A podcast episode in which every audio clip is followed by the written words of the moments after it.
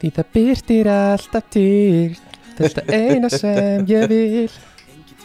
Þið þau getur. Þau ekki Já, Krispur Ráskókin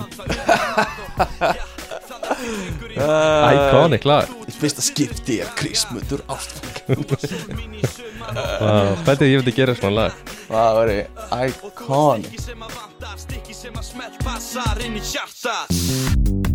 Halló er eitthvað að frétta Já það er ekkert að frétta Já það er ekkert að frétta Ekkert að frétta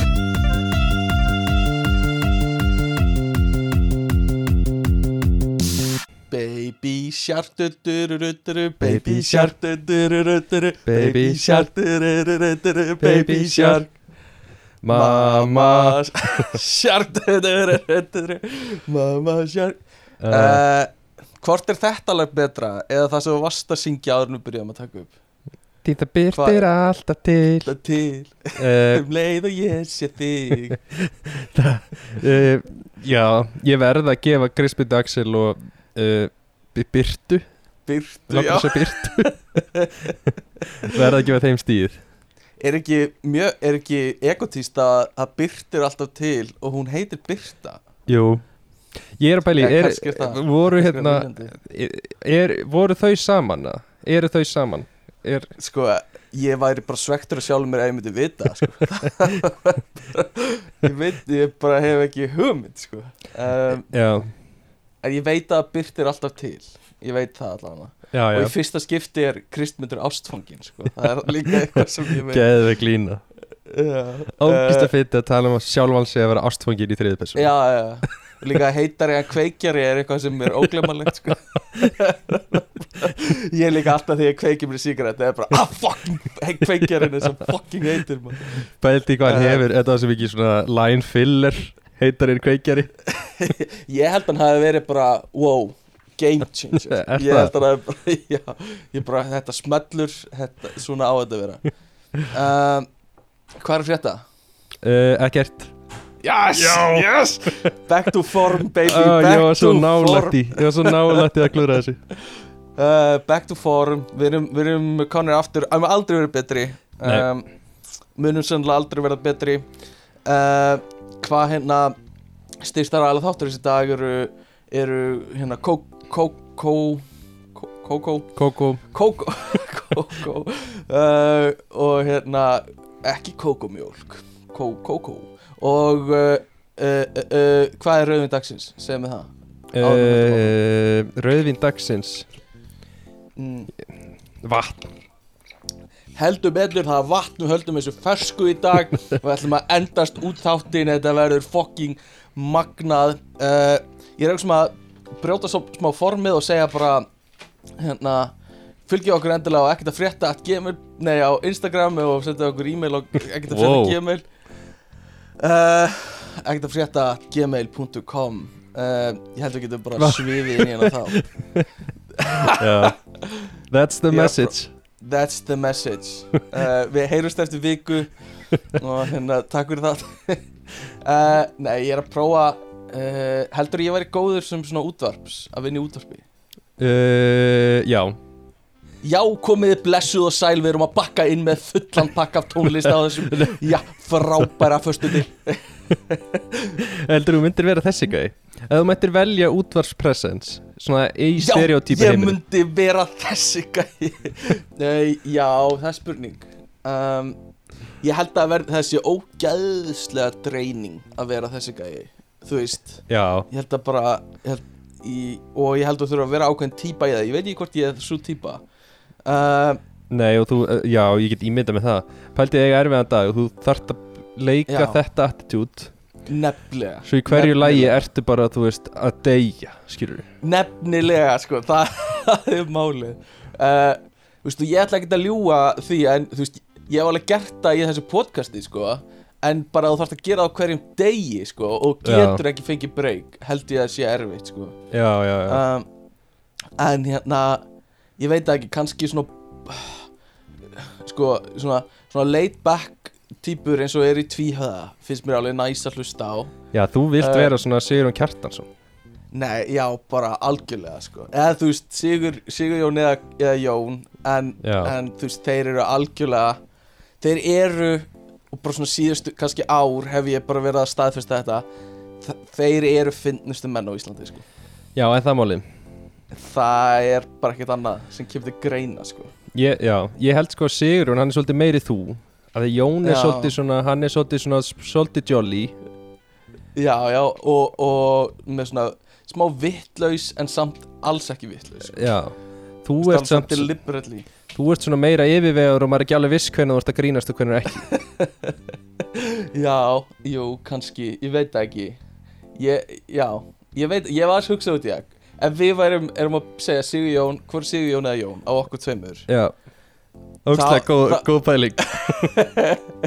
Þá hef ég samt svolítið verið að hallast að ég sé Jón og þú sétt Sigur Jón sko. Já, það? Uh, en, en en ég er ekkert viss. Bara því Jón bladrar meira og talar meira Já, já, já. Sem ég gerir hérna sko. Uh, En allavega Velkomin í þáttinn. Gaman að hafa þig. Uh, Þú ert bara rétt og komið til Íslands. Rétt og komin Þá verður nú banger. Þá voru banger. Það er búið að vera frekar ekkert frábært sumar hérna hvernig líður er að koma í já, þetta kalda en bjarta sumar sem er hérna á Íslandi. Já, ég helst uh, Ég helst vil að fólk hafi það ekki drosalega gott þegar ég er ekki á Íslandi. Já, þannig að þú ert búin að vera sáttur bara. Já, ég vil helst koma tilbaka og það er búið að vera ógstlega vond veður hjá öllum. Mhm, mhm, ég skil. En hvernig er búið að vera hjá ykkur? Bara sumarið. Er ekki búið að vera hittabilgja í Európu eða? Jú, það er búið að vera alveg viðbjörslega heitt sko. Uh, já, er þvalur, ertu þvalur? Já, já, já, ég er alveg þvalur bara dagstæðlega sko ok, en, það, en það er búið að vera svona, já, um helgina voru svona 30 stig. Ok, ok. Það er nú bara svo eigilstæði fyrir tveimur árum. Já, ha, ég, þú ert nú ekkert að segja mig fréttir hérna. Mm. Nei, ég segi Mm. eigilstæði Alltaf úslega gott veður á eigilstöðu Veit engin, þú veist, af hverju? Nei, það er bara Þeir eru með hana græjuna sem sem Jakob Fríman ætla að fara með á fyrsta solstissi til að til að hérna með eitthvað tæki sem átt að íta burtu skíunum með eitthvað, þannig að það er ekki rigning. Ég veit ekkert hvað er tala um núna. Þetta er bara no joke. Ætlaði Jakob Já. Fríman að vera með eitthvað tæki til að gera veðri gott? Já, fyrir fyrsta solstis Það bara, við no- notum þetta tæki. Og rússarnir eh, víst að hafa verið búin að vera að nota þetta til þess að, þú veist stjórna veðrinu eða eitthvað. Býtu, var þetta gert eða? Svo segir sagan, sko. Mér skilst það Og hvernig er þetta tæki? Er þetta bara eitthvað svona hárplásir eða? Ég heyrði að þetta væri svona eins og uh, hjólapumpa og Jakob Fríman hefði verið bara allan tíma bara Nei. Nei, en ég veit ekki, örgulega bara eitthvað svona e- eit- eitthvað sem feikir skíunum í burtu eða ég bara veit ekki sko. Ok. Áhugavert. Egilstæðir eru með þetta, þess vegna er gott við þér þar. Já Ég, sko, ég reynda tók alveg klassíska íslendingin á það og ég gjör sannlega skaðbrán. Já, já, já, já, já. Við, við segjum rautt verður brún er þú svona, það sem við segjum sko. Já, og ég, þú sér það, ég er búin að taka Nei, þú sér það endur ekkit voða vel núna. Ég er eiginlega búin að vera rauður aftur En þú sér það á Rautt Föstudaginn. verður brúnt og brúnt verður hérna uh, krabbamein er það sem við segjum. Já, Þannig að ég, ég sko, eftir hennan dag í sólinni mm. Þá var ég svo eldrauður og svo um kvöldi fór ég á bar sem ég fer hérna svolítið ofta á í Delft Mm Já. Og, og hérna everybody knows your name. Já, Dun dun dun hefur eitt svona hort á þess að þætti? Aldrei nokkuð tíma. Ég hort á, Frey, á Freyser Já. sem verður svona spin-off þættir á Cheers. Já, en bara ekki einu sinni dottið ég já, já, já. En þú reffar lægið mjög oft. Já, Cheers Já, Örgulega góðu þættir, frábæri þættir Mælum við allir horfa já, var þetta Cheers? Ég held að það hefði verið hérna Full House. Nei, það er eitthvað annað held ég. Já, Hann ertu á villigötum eins og En Kott aftur heim Kott aftur heim. Ég, ég hérna Ég lappaði hann á barinn. Við leiðið kemur um hörðina Þá er barþjóðnin bara Hvað gerðist við þig? Oh my god, já. Og hann fer hérna Beint sem sagt Fer eitthvað svona bak við barborið Og hann dimmir öll ljósin á barnum. Hann er ekki sjá Já, hvað þú ert í slæmi ástandi? Það Já. er ógeðslega fyndið. Og kemur með já, ymmit og varstu þá bara rauður bara, já, já, bara Já, bara Mm. epli. Mm en að þetta er alveg svona típur þegar fólk verður oft fyrir eftirlaun. Já, og hérna og þetta er flóritabúanir eða, eða Mallorca Já, já, búanir já. eða eitthvað sem eru með hús einhver staðar. Mhm. Koma svo aftur heim til Íslands um veturinn eða sumar eða eitthvað og eru bara appelsínu gul Já, já, og húðin þeirra er bara svona leður á mikið notuðum leðursófa sem er svona krumpað leður. Já, já. Og það bara, þú veist, þú sérða þetta á ekki að vera svona. Já, skilur, húðin þín er ekki hönnu til að taka á móti svona mikilvæg sól. Ég er alveg hæfu í sem þetta Þetta gamal menni, sko. Já, já, já, Ég, þetta er svona appelsínu önd skilur, þetta er þetta er fræga internetmyndin þar sem, þar sem uh, maðurinn er ánæði með appelsínu öndina eða konan eitthvað svona og mynda konu. Já, já. Og að því hún er með appelsínu já, húðin Akkur þú talaði svona um konuna þína? Var ekki það? já, jú, að þú skulle segja þetta um konuna Ákvæslega gott. En ég-. Ég finn sko að ég er með tvö, það eru tveir hlutir mm, sem ég fæði að heyra frá fólki. Uh, Annarkvort er ég of velklættur já, Það er annarkvort fer ég út í peysu og það er 30 stið hitti og einhver segir Gaur, akkur út í peysu? Já, já. Að Þegar fyrir mér á Íslandi þá, þú veist, það er, það er aldrei veður sem er eitthvað Gaur, akkur út í peysu? Já, já, það er öll veður eru peysuveður á Íslandi sko, Já, algjörlega. þú veist. Bara sama hversu gott það er. Já, Það verður aldrei betra en peysuveður já þú veist, getur alveg verið á bólnum, skilur en það Já, er ekki já, alveg já, já. skrítið að vera í peysu. Nei, aldrei, ymmit Þannig að þá fæ ég að heyra það.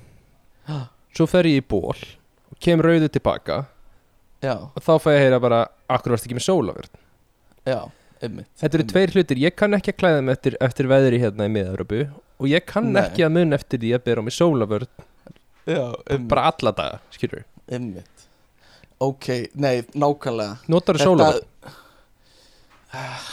Ég ætti að nota meira af henni. Þú veist, ég nota hana þegar ég veit að ég er að fara að vera út í sólinni Eða eitthvað svona. Já, þú En- ert svona skinsamur Þú veist, ef ég veit að ég Þú veist, ég, ég veit ekki hvernig ég orða þetta Af því maður ætti að bera á sig sólavör Samkvæmt sérfræðingum á hverjum degi Alltaf að vera Já, með já. sólavör Þó það sé skýja, þá komast einhverju geislar í gegnum Eitthvað svona. Ég gera það ekki, en ég, ef ég veit að ég er að fara að vera Út í sólinni, þá reynir ég að setja með sólavör Þú veist, Ok, að ég, ég... veit að það verður sk- sól beint að skína á mig og ég veit að ég verð út í henni. Ok, um, ok Ég er með einu eitt scenarió Já, Þú vaknar um morgunin, þú ert að fara í vinnuna. Uh, Það er sól úti Mikil sól. Já. Setur að í sólavörð rúminu Ligg í rúminu, kúka, borða, stendu upp og hérna setja, með sólöfur setur að þið sólavörð Nei, Að þú ert að vera í vinnuna? Já, Þú ert að fara inni? Já. Ok, þú ert í vinnunni og einhver í félagri vinnu segja, herðu ef við ekki kíkjum í bjóru eftir vinnu? Ef við ekki, ekki setja á sólöfur hérna, Nei, í hátinn. nei, það segir það er hægt að beigja söguna mína. Ok, sorry. Já, Ok, og þeir segja, herðu, kíkjum í bjóru eftir vinnu. Já, bara við vinitir uh, mhm, og, og þú eitthvað, já, til í það. Og þú þið ætlaði að fara að setjast inn á eintólsvíkina Já. Já. Ferðu í missjónið að græja sólavörn Spyrðu eftir sólavörn Nei, nei Myndur þú fara að kaupa sólavörn Myndur þú fara heim að sækja sólavörn ekkert af þessu sko. Ég, þetta er málið sko. Ég er ekki, ég er ekki svona aggressífu sólavarna gæði uh, en maður heyrir þetta samt alveg maður á að setja á sig sólavar alltaf skilur við er, segir sagan. Sem ég trú alveg ég bara og við höfum rætt þetta áður ég er ekki með húðrútínu skilur við bara þetta er hérna ég er nýkom með rakakrem sem ég læt stundum á þeim eftir sund. Já, þannig að það skref fram á við já, já, já. en ég er ekki með húðrútínu sko. Nei, Nei þú þú farin líka að snirta skeggið svona þannig að það er alltaf upplið það er allt á uppleið það er allt á uppleið. Og hérna, heyrðu, já talandum, talandum snirtimennskunum mína. Hérna, þetta er stór vika. Það er sennilega aldrei sem hefur verið uh, ekkert að frétta hefur verið jafn óviðegandi fyrir mig. En hérna uh, þegar við ætlum mögulega að taka upp í vikunni, fimmtudaginn Já, uh, þá ætlaði ég að koma ferskur frá Bessastöðum. Uh, af Já. því, af því mér var búið á bestastæði að fórseta Íslands. Takk fyrir mig. Takk fyrir mig. Og all, allir að klappa all, allir sem eru að hlusta eru að klappa. Já, og þeir eru búin að klappa núna. Um, en hérna er, er úti eitthvað að bjóða þér til sín? Uh, já ég hef ekki skoðað nýlega inboxið mitt sko. Nei ok hann kannski hjólar með bóðskostilin einhvern tímann mm. en hérna allána uh, að fara á bestastæði er hérna Var þér bóðið persónulega? Já, ég, er með bóðskort frá fórsetanum sem nafnum Sem- mitt er á Ég aldrei að meina það Já, ég er að meina það Fegstu fálkaorðu eða eitthvað? uh, Nei, Svona leiðin út? Ég, það voru nokkrar og ég tók svona eina tvær sem ég all stál. Fólk orðið aðtöfnin var daginn eftir. Uh, uh, það fæna bara hvað sem er fálkaorðu finnst mér. Já, mér finnst það líka. Mér finnst gjörsamlega að vera búin að gengisfella þetta. Hva- Hvað, bara því þú ert búin að vera í fréttum þá máttu fá fálkaorðið Var Eh, EM peningurinn ekki nóg? Já, nákvæmlega. Nei, hérna um, Hann tekur á móti öllum og, uh, og tekur í hendina á öllum skilur sem koma af því, af því það, það er það sem allir vilja skilur, ég tók í hendina á fósitanum með hendinni sem ég var að skeina mig með bara hálftíma fyrr ertu Skilur. að meina það? Ertu búin að þvó hana frá því þú tókst í hendina á hann? Nei, og ég ætla aldrei að þú hendina mína eftir þetta ég, ég er búin að Nice. taka meðvita ákvörðun ég er búin að setja henni í plastboka og ég ætla og ég ætla að hafa henni í plastboka Nei, og hérna, ég tók væntalega líki hendur á á forseta hendina sem var að skeina sér bara nokkru klukktíma fyrr. Skilur Já, finnst þið líklegt að hann skeini sér sjálfur? ég var ymmit að fara að hugsa þetta. Ég var að hugsa þetta. Heldurðu að hann sé með sérstakann manni að skeina sér? Uh, nei, ég held það nefnilega sko. Ég, nei, ég Guðni held að sé ekkert val sko. Ég held að Og- Guðni sé ekki með sérstakar mann í neitt. Nei, hann, hann hérna Pappi hitt hann í sundi um daginn Og uh, ha, hann sagði að, að Að hann hefði verið með fjóra gæja Sem voru að sjá um fötin hans Og Er það meina? eitthvað svona Já, Býti, var, var pappin með Guðna í styrtu? já, já, já. Og hvað, var eitthvað frásögu, frásögu færandi? Ég bara, ég vil ekki taka þátt í svona slúðri sko uh, En hann var með stóra fætur Við getum orðað þannig En hérna, allavega Við tökum, tökum í hendina Guðuna Og uh, bara að vera hrósanu fyrir að vera ekki með þvalar hendur Skilur Þú hefur verið með þvalar hendur. Ég var með, ég var með ég, ég var búin að vera bara svona eins og formúlubíl á gallaböksunum mínu Svona þurrka hendunar? Vum, Já, áður en ég kom að honum og, og tók í hendina á honum. Hann er með sérstakann mann fyrir aftan sig. Til að sem hann þurrka. svona Já, það sem hann svona slætar hendinu sinni eftir gallaböksunum hjá einhverju manni fyrir aftan sig. Já. Hérna, Ekki maður með að hanglaði nei, nei, nei, svona í buksunar sko. Bara maður í ógstlega Og- þurrum buksum Já, mjög, þetta er sérstaklega gerðar þurrar buksur uh, Og svo taka þetta í hendina á honum og hann hef, hef, er með eitthvað ávarp og eitthvað Og lofar veitingum. Og hérna segir eitthvað svona Og ég mæli með að allir fái sér veitingar Og hérna eitthvað svona. Og uh, þegar maður fer að skoða veitingarnar Þá var þetta bara einn platti af einhverjum pínulitlum sörum. Skilurðu, Já, skilurðu? Engar veitingar, skilurðu? Ok. Engar veitingar, skilurðu? Einhverju myndi segja vannþakletti Já, já, einhverjum myndi segja, ekki ég. Ég myndi ekki segja. Um, Tókstu En hérna, hérna- tókstu hérna uh, Eru skattpenningandi mínir að fara í þennan veitingabakka? Já, nákvæmlega. Mér finnst ég verið að borga nógu mikið skatt til að fá hérna eitthvað gott. Nei, Gaurin á launum Gaurin á launum á styrk frá ríkinu. Já, nákvæmlega. Uh, Sko, nei, það sem ég ætla að segja var Þegar hann var að halda ræðuna voru við öll inn í einhverju svona Er í einhverju svona, einhverju svona herbyggi Eða einhverju svona sal.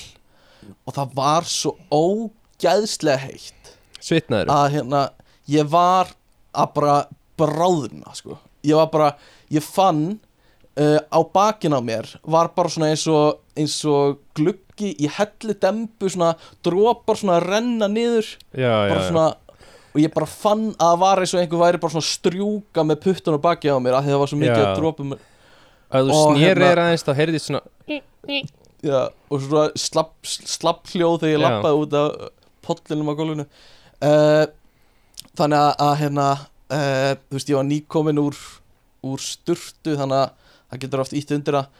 En hérna Já, Já. classic. Nei, ég er bara nýkonum sturtu. ég er bara nýkomin úr sturtu. Nei ég var á klóstunni, ég er með blöytar ég var hérna að þvó mér um hendunar ég er ekki með sveittar hendur sko. Uh, nei og hérna ég var ógæðislega sveittur hann inni. Og uh, það er svona tengingin við, við snirtimennskuna sem við vorum að tala um aðan sko. Já, já. Ég, ég á ennþá eftir að finna út úr í svona hvernig besta besta þetta snirtimennsku ferli sko. Já. Er eh, svona, já, ég meina spurningu. Mm. Ég hefði nú haldið að væri með fullta spurningum fyrir mann sem er nýbúin að hitta fórsetta Ok, ég er þetta með Ha. fullt af spurningum. Já, Eh, þær í röð Þannig að, já, skjóttu, einmitt uh, nei, nei, ég er vanur þessu þegar fólk er að stoppa mig út á götu núna og bara býtið þú og fórsetin já, já, Já, komdu með það. uh, þetta eru algengar spurningar, fínt að svara þeim hérna. Já. Fínt að svara þeim. Já. Er hérna Var sagt eitthvað við áður og hitti fórsetan Eitthvað svona Var eitthvað svona, þú veist ekki horfa í augun á eða eitthvað svona. Já. Nefnt var eitthvað svona Nei. e Eitthvað leiðbendingar Uh, nei, alls ekki. Nei, jú, ég, þetta var ógisla næs Skilur, hann er ógisla fín Gauður, og eða var ekkert svona slæmt sko.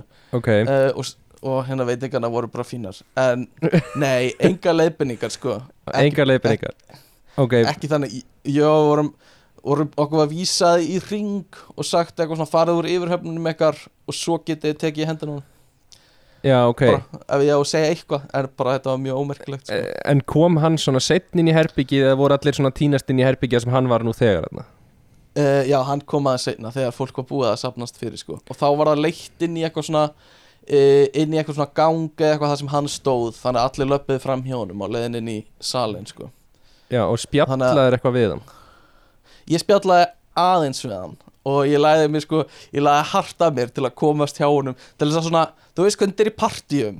Þegar þú svona þú svona vilt tala við einhvern í partíi þannig að þú svona byrjar á því að standa bara nálægt Já, já, og svo stendur alltaf næ og svo kemur inn í ringin það sem hefur verið að spjalla. Svo fara allir aðrir og þú eitthvað svona, jæ, það var bara ég og þú. Jæja. En hérna, já, en Þannig að ég og yfirmaður minn og, og kollegar vorum þannig eitthvað að spjalla aðeins við hann og bara tala um eitthvað svona hvað, hvað við verðum að gera flotta hluti og eitthvað. Og ég bara já, hækkaði fyrir ég hérna, er allt í öllu þannig Já, vissan eitthvað hvað þið voruð að gera?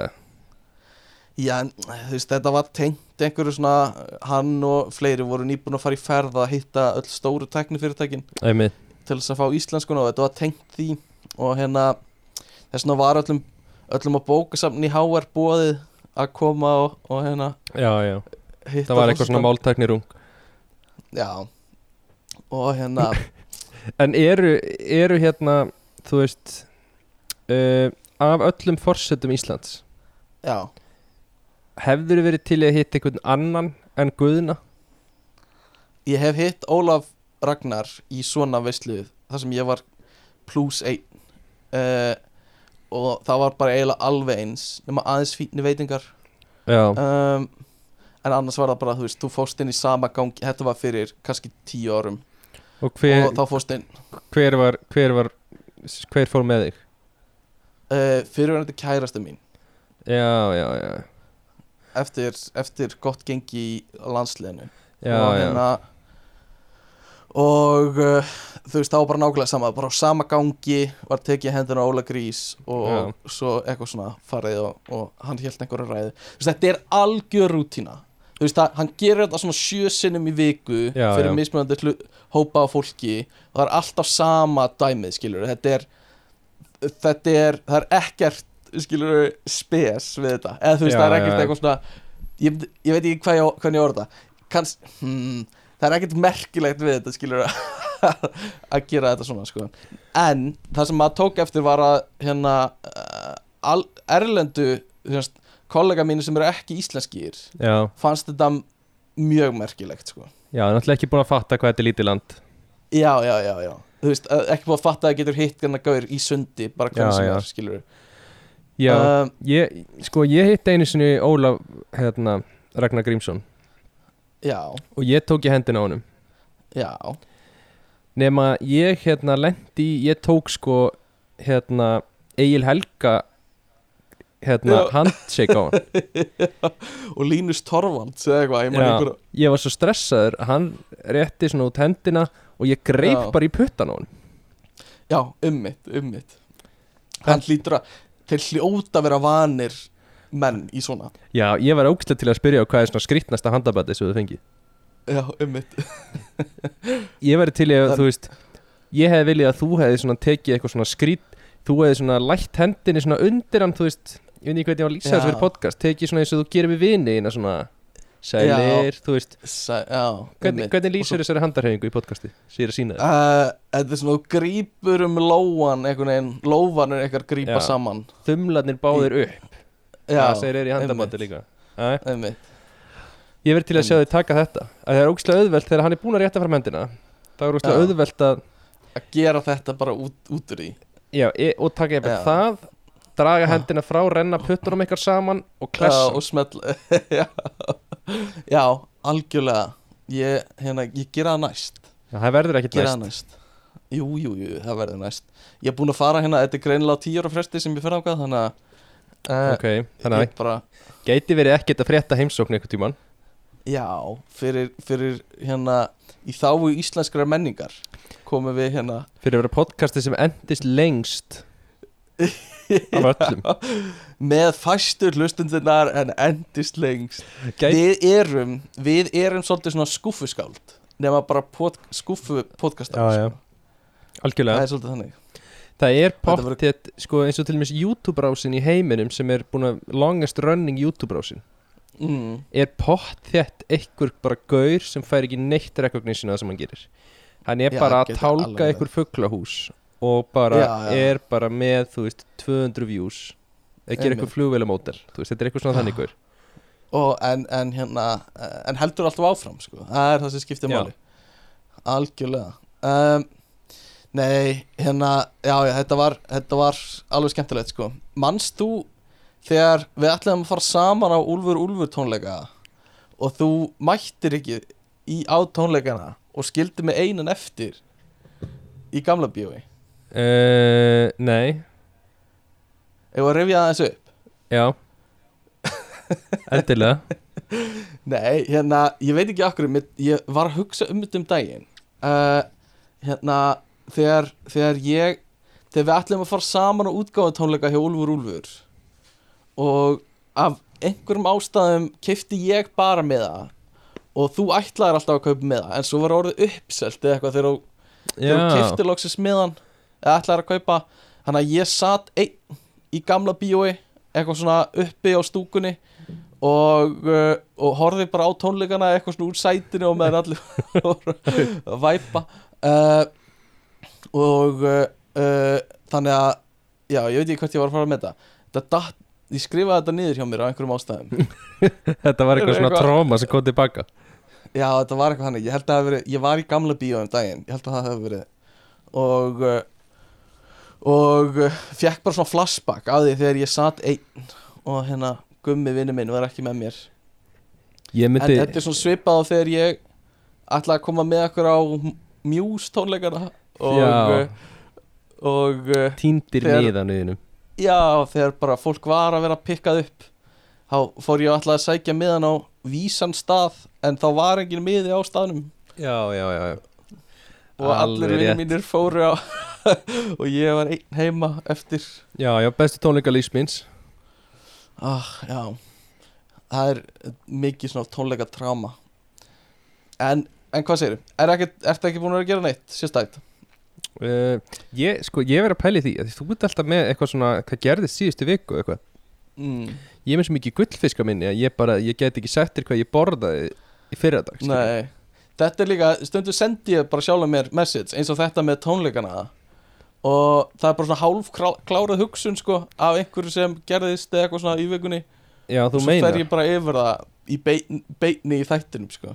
Þannig að stundum er þetta eitthvað sem ég hef hugsað mikið um. Stundum er þetta bara eitthvað svona sem eh, ég sendi sjálfur mér Já, já, já.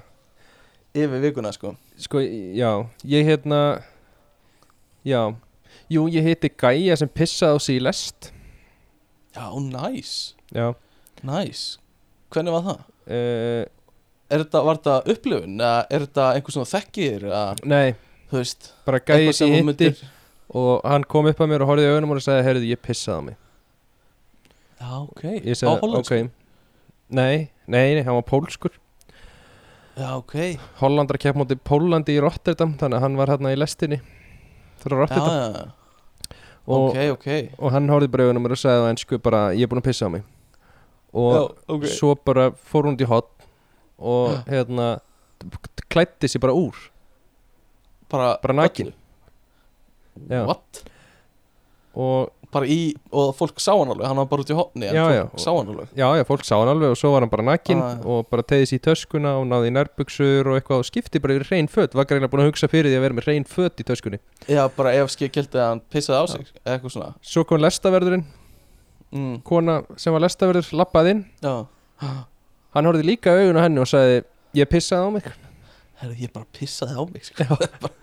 Trúir þessu, ég bara pissaði á mig. Já Og hún eitthvað Já, við erum með klósett Hann eitthvað, já, Já, ok. Það er of seint fyrir það. Ég er búinn að pissa á mig.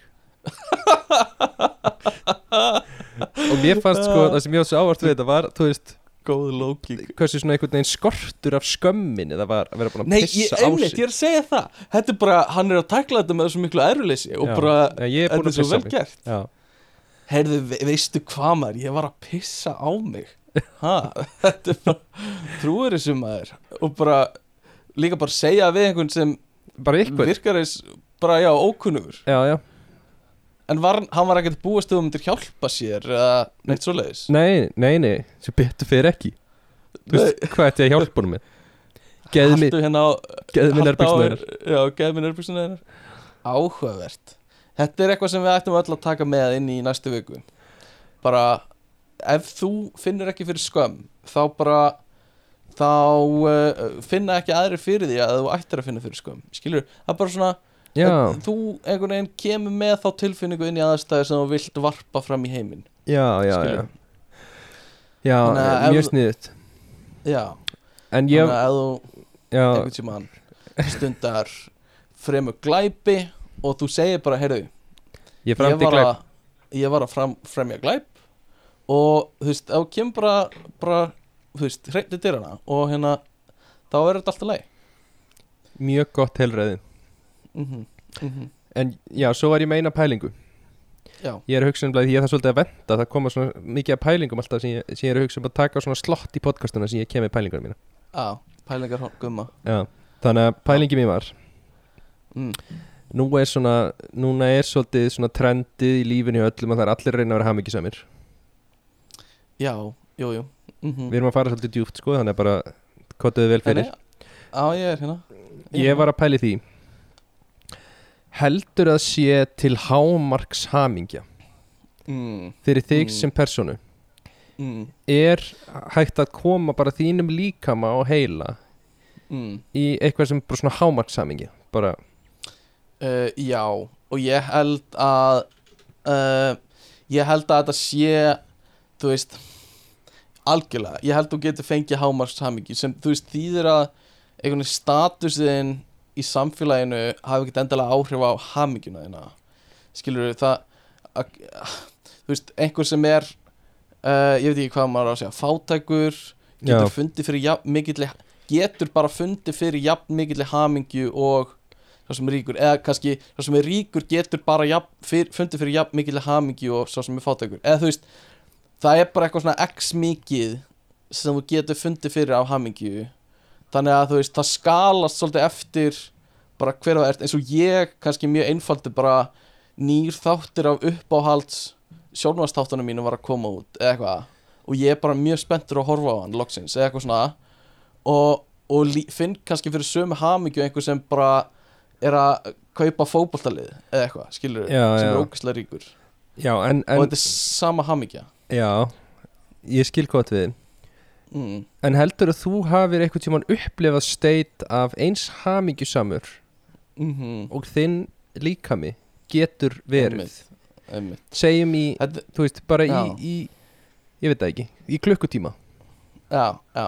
Þetta er góð spurning. Þetta er, þetta er svona líka uh, Þetta er spurning sko Getur þú einhvern veginn æft þig í því að geta fundið fyrir meiri hammingi Þú veist, getur þú veist, getur líka með henn eða bara þú lært að einhvern veginn að vinna upp meira capacity fyrir hammingi einhvern veginn, þetta er svona eins og í tölvuleik þegar, þegar hérna þegar up. hérna, já, eða þegar þú veist svona health bar hjá þér stækkar að þú ert komin á hæra level eða eitthvað. Uh, er það möguleiki að þú æfir því því? Og svo líka eitt se- sem ég er að pæla er þú veist það er oft talað um að þú veist, þú ert hamingisamastur þegar þú ert barn eða eitthvað svoleiðis. Já, og hérna og þú munt aldrei finna fyrir sömu svona barnslegu þú veist, eintómu hamingjunni og þú fannst Já, fyrir já, þá. já. til dæmis bara á jólunum þegar þú varst að opna þú veist, gjöfuna sem var nýr sleði eða eitthvað og það, þú færð aldrei þessa sömu hreinu tilfinningu aftur skilur, það er bara eitthvað sem þú finnur já. bara fyrir þarna. Uh, þannig ég þú veist, það er alveg alveg sjóna með, það er örgulega mikil af einhver svona vísindi sem eru bak við hamingi vísindi en, en þetta er einhvern veginn svona En heldur þú getur, heldur þú getur sagt heldur að þú getur komið í það state mm, að ég myndi spyrja þig getur þú verið hamingisamari en akkurat núna? Já, og þú myndi geta sagt nei. Nei, já. Uh, Ég veit ekki, já, sennilega. Uh, Og það er spurning þá, er maður búinn Þetta er líka svona smá leðileg hugsun er, Hvenær er maður búinn að upplifa sitt hamingjusamasta moment? Uh, En ég held klárlega að, þú veist einhvern tímann þá getur það bara ekki, þú veist upplifa meiri hamingju. Ég las áhugaverða smásögum um daginn sem var gerða bíómynd sem var að koma út á Netflix sem heitir Spiderhead. Uh, Smásagan er eiginlega betra en myndin en hérna það fjallar um hérna svona smá sci-fi það sem er svona rannsókn í gangi það sem fólk er með eitthvað svona efna hérna uh, svona smá eins og nikotín hérna plóstrar nema þau geta kveikt á plóstrinum og þá dælir hann inn einhverju efni í líkamæðin sem vekja fram ákveðna tilfinningar skilur og eina af þeim er, er hérna hamingja uh, Já.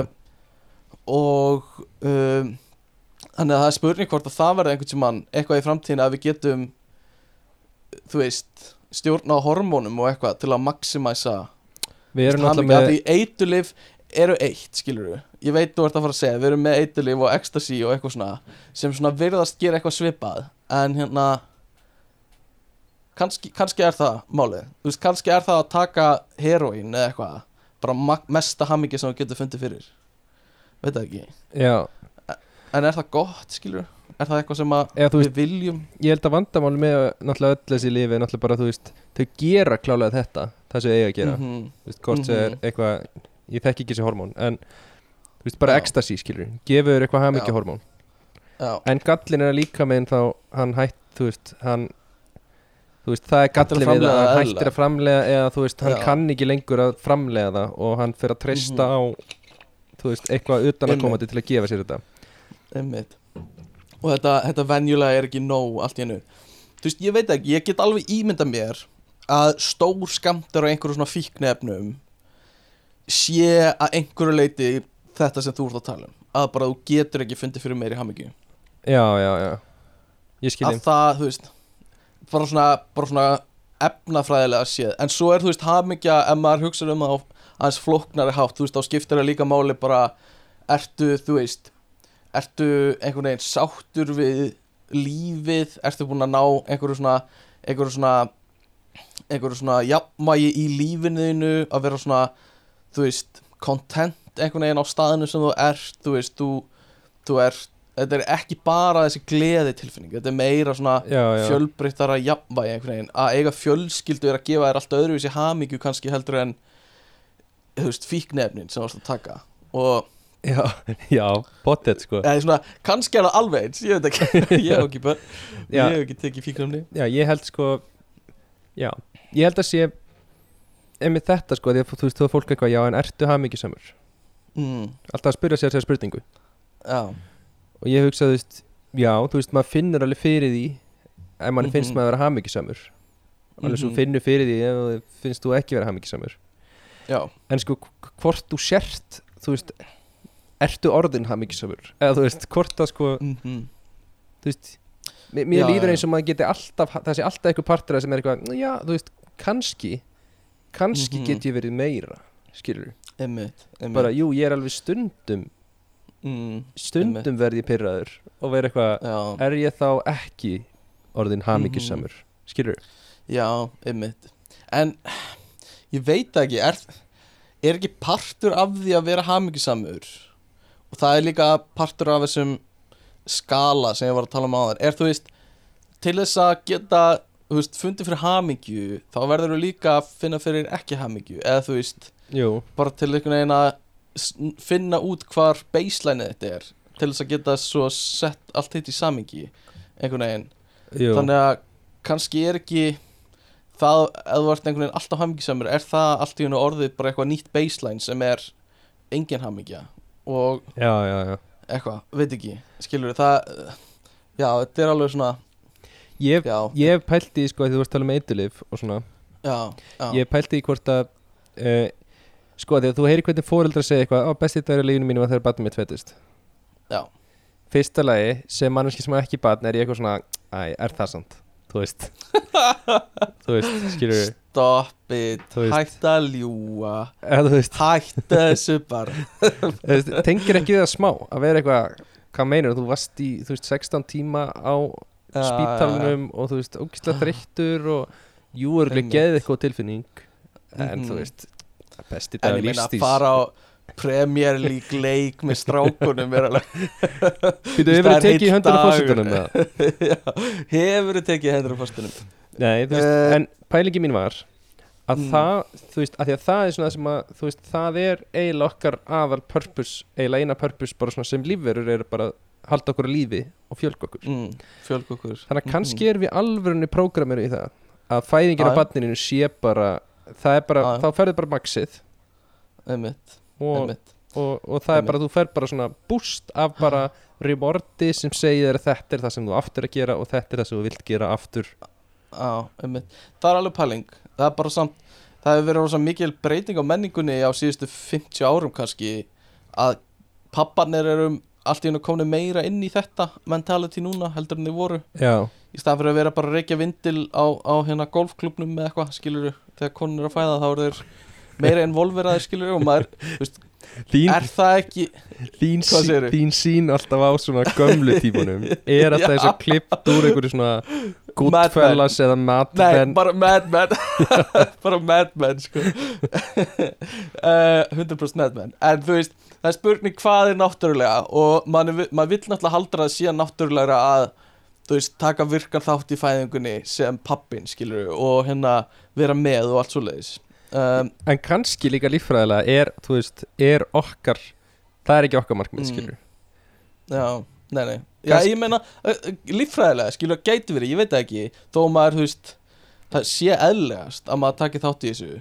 Kannski er okkar markmið bara kynlýsparturinn Já, umbynd En pældu í, pældu í Þú varst að tala um hana, getur maður eitthvað sem hann Er einhvern sem hann tímið þar sem þú þar sem þú segir, ég get ekki verið hamingi samri Og þú veist Og hérna Og uh, þú ert á fæðingadildinni með, skilur með konunniðinni og þeir eru að eiga besta dag lífs ykkar og, fæ, þú veist, fá barnið ykkar og þú segir bara, nei, ég, bara, ég gæti ekki verið hamingisamri en ímyndaðir að konaðin væri að fæða á League vellinum í úrslitadildinni, skilur í fótbolta. Skilur, þetta er svona eins og þú veist, þú getur alltaf talað upp að einni hærri tölu, skilur, það er bara Já, já, já. endalaust, endalaust og einn, skilur það er bara hérna, þú veist það er bara bætir í bara við. Premier League, fæðing og taka ecstasy, skilur það er allt í henni komið með eitthvað meira. Já, já. Einmitt, þetta er áhugaður pæling sko. En pældi Mm. kvíðanum ef að þú upplifir það að ballið já, og þú færð svona já, þetta var geggja en þú veist það er alveg en mér fannst skemmtilegra á leiknum með strákur já, skilur og þú veist eitthvað svona besti dag lífsmíns eitthvað svona, já, ég segi fólki það. Alveg 100% ég ætla ekki að segja eitthvað annað en þú veist Chelsea æ, hefur ekki unnið í 20 ár sko, þeir voru að vinna sko. Nei, þú veist, pældi upplifð og verið að segja bara er ég lélugur pappi já, já, já, ég hugsa ég hugsa að þetta sé alveg hugsun sem hefur komið upp hjá mörgum sko. Já, bara á á þetta ekki vera besti dagur lífsminns Já. skilur, af hverju líður mér ekki alveg þannig, já. skilur Svo fóruð þið kannski að rífast? Já, einmitt einmitt. Já, og bara, ah, þetta var ekki alveg eins og ég myndaði mér að þetta myndi vera. Að pottit, sko. Og alltaf líka, líka því að sko að því að ég held að þessi pottit hérna að svo segir fólk sko fæðingin hjá börnunum mínum. Já, það er enginn að segja mér að fæðing nummer fjögur já, já, já, já. Hafi verið eitt. skemmtileg. já. Mhm, Og- mhm. og þú veist, það er, það er fæðing hjá öllum fóreldrum sem var Já. besti dagur þú getur ekki Já, sagt já. það voru öll Nei, jafn besti dagur það er einhver fæðing sem var betri dagur Um, Mér finnst líka ógislega að fyndi að það hafi notað orðið skemmtilegt. Ég, veist, er, ég veit ekki hvort að fólk myndi segja að fæðingin sé sk- skemmtilega og þess vegna er með ég barni. skil hvað að meina Já, já, ég skil hvað að meina Já, Algjörlega. Uh, En það er alveg rétt sér ég, ég er eiginlega vissum að sé eitthvað hýrarki Eða svona Gæti gert svona Já, já, rangt já. list Skilur Bara Mér fannst betra þegar Margaret fættist heldur en Jón sko. Það var, var skemmtilegur dagur. Já, já, ég meina ég er þriðja bara það er enginn að segja mér að fæðingin hjá sískinu Já, mínum hafi ekki verið þú einmitt. veist skemmtilegri. Já, ekki skemmtilegri. Ek- Nei, en eh, svona Betri dagur. dagur. Ka- Kannski, þú veist, var þín Kannski færða eftir hvað fæðing var þægilegri, skilur já, uh, Eins og ég held að mín fæðing hafi verið Svona auðveldari fyrir móðum mína heldur en bróðum mín, skilur En ég er samt seinna bann já, það er En ég meina, svo, svo er líka Veit sko, barni fæðist og svo fer það kannski bara beint í þú veist svona hittakassa og bara Já. er eitthvað vesen Já. skilur já, ég gerði það til dæmis Og þá er stress, skilur já, Þá þá, bara, það var besti dagur en Þá- alls ekki þá Mhm. það var öruglega bara Einmitt. með þínum verri dögum einmitt, einmitt, algjörlega og var þá dagurinn þegar þú komst úr hittakassanum var ekki svolítið Já. bylgjan búinn þú veist, var þetta ekki Já, góðu getur dagur verið. en svolítið svona ok, úf, já já Einmitt Er bara að vinna á mándagir að koma úr kassanum. Eitthvað svona, jú, jú. Næja verið sko. Já, já, hann er að fara sko. Uh, Einmitt, einmitt. Já, þetta eru góða pælingar, þetta er skemmtilega pælingar. Hérna, uh, endilega hlustendur að senda inn hamingju pælingarna sínar. Þetta var Eh, eiginlega bara fullið þáttur Þetta var, eh, já, uh, mörg, mörg betri podcast hefðu endað þátti núna En við ætlum ekki að gera. Uh, Við hérna, ég var að flytja Ég var náttúrulega að fá íbúð afhenda í vikunni. Já, og uh, klöppum fyrir því. við, já, klöppum fyrir því. Og allir að klappa hérna. Og, og þakka ykkur, ykkur, ykkur fyrir hlustundur uh, en hérna uh, og ég er eiginlega búinn að rumpa af slatta af flutningunum uh, fekk vaska hérna vinni mína og vinkonu til að hjálpa að flytja og það er rosa mikið komið. Uh, þannig að, að þetta, er, þetta er alltaf gerast. Þannig að þetta er stór vika sko. Og, Og- mjög spennandi. hvernig líður þér inn í íbúðinni? Uh, ég veit það ekki. Svona, hún er, hún er svo hrá ennþá sko. Það er ennþá allt í kössum og Ég veit líka, ég á eftir að mála Ég eftir að mála smá Og þá alveg svona Það er alveg svona lætur mann svona ekki ná að Þú veist Einhvern veginn setla Fyrir en það er búið að gera allt svoleiðis Og svo getur þú fara að láta húsgögnin á rétta staði Og eitthvað svona til þess að svona já. klára þetta einhvern veginn. Finnst þið leiðild að þeirra Eh, að mála. Já, það er svona ætlum við líka ekki að mála neitt, þú veist, það er allir segja töluðu við ekki um þetta síðustu viku. En, eða síðustu þetta, já, þú veist, það segja alltaf allir, já, og ætla ekki svo að mála allir í búna og ég, nei ég ætla bara að reyna að gera þetta eins og þægilegt og ég get. Já, þannig að ég ætla bara að mála eitthvað kannski einn og hálfan vegg og svo eitt lítið herbyggi. Býtu og, einn og hálfan vegg? Já, það er e- ein, eldur í einn eldur, Einn- veggur í eldhúsinu? Já, uh, einn veggur í eldhúsinu sem er svona eiginlega ekki heil veggur, sko. Hvað, já, ég Þannig að- skil. hann er svona smá, smá uh, það sést smá á honum Mér langar Annars- óskíslega, sko, þegar ég fer að mála, þegar ég, ef ég eignast á einhver tíman íbúð í þessu efnaðs ástandi. Eh, þetta er bara nú ekki hægt fyrir kaupendur sko, þetta er seljendjómarkaður Já, já, og sem er alveg rétt. Já, já, já En Gunnar, eh, Gunnar Smári. Gunnar Smári, Gunnar Smári. Eh, En allavega þá langar maður ógislega í svona málingar svona sprautu. Já, já, já, já, já. Þú svona tekur í, tekur í gikk og það svona, tss, Já, svona smá spreyjar málingunni þú sér bara einhvern mála heilan vegg bara á Einmitt. mínútu. Já, það er mjög, mjög satisfying sko. Og uh, já, það væri mjög næst ég væri bara svo hrættur um að missa stjórn sko. Og þetta er einhver svona einhver svona uh, svona vass uh, slanga sem er, er bara stjórnlaus í stofunni. Já. En, Einmitt. já, en allan framála og eitthvað svona til að koma man- manni fyrir. Og kaupa í matinn í fyrst skipti, já en það eftir að gera það og fylla ískapin, núna er ískapinu fullur af einhverju bjór sem ég kefti fyrir fólki sem var að flytja fyrir mig, en Já. svo fekk sér bara eiginlega engin bjór. Þannig að Volið það það er rosa lélegt. mikið eftir. Mm Ég Að get nú færð fullt hjálpað af með það á bjór. föstudaginn. Já, láttu, láttu ekki svona. Þegar þú kemur að taka upp með mér á föstudaginn Já, þá er nóg að bjór fyrir þig. Ég mæti Eh, etru Ná, gott. Ég keiri til því fullur.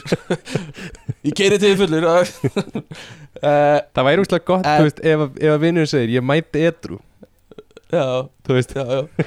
Að þú veist, það er alveg eld Ok. að segja ég mæti svangur, skilur við Já, já, mat. einmitt, En ef þú segir ég mæti etru, það er alveg svona, Já. alveg red flag. Já. Það er smá þannig. En hérna, ég ætlaði líka að segja bara að þú varst að tala um að þú ef þú kæmist einhvern tímann inn á íbúðumarkaðinu og eitthvað svona Já. Ég er búin að vera að lesa svo mikið af einhverju svona, ek, svona greinum sem láta mig hugsa eitthvað svona var ég að kaupa á kolröngum tíma? Já. er þetta alltaf fór að hrinja sem er að spá einhverju svoleið sko. Sem lætur mann alveg svona ekki líða vel með að vera nýbúin að kaupa á einhverjum toppi fastegnamarkaðarinn sko. og einhverjum fréttur um að verð, íbúða verð sé að lækka einhverjum hlutum bæjarins og eitthvað maður er svona, já, ja, getur aldrei gert neitt rétt. Það er alltaf eitthvað svona sem kemur Sko- þannig að maður verður bara að setja sig við þetta. Já, sko, ég er með hérna, ég er með eina pælingu varandi íbúðmarkaðin já, Eitt sem að ég er kannski bara ekki nú bara, hérna, klár til að skilja. Nei, Nú er fólk alltaf að tala um, já, þú veist, kaupa íbúð því að þú, það hækkar svo mikið verðið og fólk er alltaf að tala um, Mhm. þú veist, ég kefti þessa íbúð á 20 miljónir en núna er hún verið í 40 miljóna og þú veist, þetta er já, svona já, klassíst svona brag á Íslandi. Og Já, sem ég er að já. pæli á Mhm. hvaða tímapunkti kassaru inn þennan pening? Aldrei. Af því að, aldrei, já, af því að þú ég veit um eitt tilfelli en klár þú, sorry, ég skal segja frá því eftir. Ok. eitt tilfelli. Já, en af því að pælingin er að þú veist þú þarft að búa eitthvað staðar. Mm um, þannig að mér líður eins og þegar þú selur íbúðuna þá kaupur íbúð eitthvað annar staðar. Já. það sem þú geti grætt á í verðmunni væri -hmm. fyrir mér, þú veist, að allt í hennu varð ókslega trendi að kaupa nei, eru einbílshús orðin óvinnsæl og blokkar íbúður orðin ókslega vinsæla þannig að þá ert þú ert að selja blokkar íbúð og kaupa einbílshús en ef allt hækkar þá ertu líka að kaupa dýrari einbílshús heldur en blokkar íbúðin. Þó að blokkar íbúðin sem bara hækki verði. Þannig að, þú veist þá skil ég það ekki alveg uh, ég skil og græðir á því þú veist, svo náttúrulega þú ferð eitthvað þú veist, þú flyttir til annars Mhm. lands eða já. Eitthvað. Þetta er algjörlega, þetta er bara mjög góð pæling og þetta er svona falskt einhvern veginn svona falskt að þú sérst að græða eitthvað á þessu að því í rauninni er, er skiptir einhver máli. Uh, og sérstaklega svona ef við hugsaum prósentulega sé eina, ok, eitt sem gæti verið að græða á er að ef þú ert komin inn á markaðinn já, já. þá, þá getur þú haldið þér inn á skilur ég- að því þú veist, þá átt alltaf innborgun í lán, skilur já. það er eina, eina sem er næs eh, annað eins og þú varst að segja að þú flytur eitthvað annað eins og ég þekki stelpu uh, og ég ætla ekki að segja hver það er en hún var að selja íbúð hérna í Garðabænum já. á einhverjar segjum bara, segjum bara hún hafi selt á 70 miljónir Mm en var að kaupa svo ein, uh, hérna raðhús í á Já, já, já. 65 miljónir Þannig að hún tæknilega sé að koma út í plús þar, skilur við að því íbúðaverð kannski í Garðabænum er að hækka hraðar heldur en í eða Keflavík eða, eða þú veist, hver að gera eða, já, ef það er að hækka hraðar. Já, sem það hafði verið að gera það sem hún var að flytja hafði ekki hækkað eins rætt, skilur við uh, Þannig að það er einu skiptið en annars þá, þú veist, ef við gerum bara ráð fyrir að þú ætlar að búa höfuborgarsvæðinu þú veist, alltaf basically já, þá er það svona freka svipuð hækkunin alltaf hjá öllum hverfum og þú veist þá bara skiptir þetta engum máli. Já En þú ert náttúrulega, þú segir, þú ert að græða Þú ert að græða á þá sem að eiga ekki íbúð. Í rauninni já, Að því að þá ert þú að eignast meiri og meiri pening íbúð mm -hmm, uh, sem er bara eins og bara ógislega góð innborgun fyrir næstu íbúð Mm. og eitthvað sliðis Emmitt Emmitt Þannig að þú veist, þetta er bara þannig að uh, bara hugsa um næstu þetta hjálpar þér með í- útborgun á næstu íbúð. Og það er 20% í útborgun eða eitthvað. Og þá ertu kannski með það úr gamla íbúðinni Já, já, já. Eitthvað leis En ég persónulega set bara allt í krypto Já, ég líka sko. Og ég er full að trúa að þetta muni bánsag aftur sko. Já, já, já þetta, er, þetta er alltaf gerast. Hold, hold the line sko. Uh, Ég meina, þú veist, Nei. í rauninni eins og þú veist, þó að staðan í dag fyrir mig í kryptónu, skilur, ég þarf á Mhm. þú veist, 300% hækkun til að koma út á sléttu, skilur Já, einmitt. Þá samt, þú veist þá er alveg, veist, það er alveg massífur bullmarket bara framöndan, sko. Já, einmitt Ég, já, já, ég kefti aldrei í krypto. Ég var alltaf að tala um það svo Já, já, Veit um heilöku tíma ég að tala um hvað ég ætlaði að kaupa í krypto En gera það svolítið. Uh, En þetta er bara svona. Þetta getur allt hrunið Eða, eða helst á floti. Uh, ég segi að við gerum samning. Þú kaupir núna jafn mikið og ég á í kryptó Ok, svo þegar þetta komið hálfa leiðina upp frá mér og þér núna ok. þá seljum við og skiptum í 50-50 hmm, Þannig að ég græði, ég tapa bara á þessu. þú Mm. tapar engu. Ok, ok tölum, Ræðum þetta betur off-air ok, uh, En ég, já, einmitt, krypto, what a concept. Ég hefði það undir góðum heimildum að fjálmálamarkaðanir eru núna svolítið að fjálmála láta krypt Fjálmála fjálmála, ég er fjálmála Fjál, þetta Ég er fjálmála Ég ætla ég að kaupa í krypto nei, Eh, Stefán hætti nú. Nei, ég ætla að segja að fjármálumarkaðinir e, eru svolítið að láta krypto taka þungan af af hérna fjármálakreppunni núna já, já, Og- já. brenna það svolítið út og áður til þess að gefa sér smá buffer held, held, ætli hérna heldur að Bjarni Ben sé með nýja eigu sem hann er búin að vera að færa fjármagn yfir á núna? Eða heldur að sé Já. að nota sömu eiguna ég held að hann sé á nýrri eigu sko. já, ég held að Panama sé svolítið old news sko, já, já, já. Og hann sé á Tortóla. Tortóla er líka svolítið old sko. já, getur verið, kannski er bara komin he heil ný. Er Vestmann er fyrir... Já, ymmit Hann er í, í skattaskjólinu Vestmanni Heima ei. Heima eigjar pappirinni fara að koma bráðum. Uh, Allána, sorry. Engeðarættin er uh, stór fjölskylda En Guðmundur, segðu mér Vilt þú stóra fjölskyldu? Vá, what a bridge.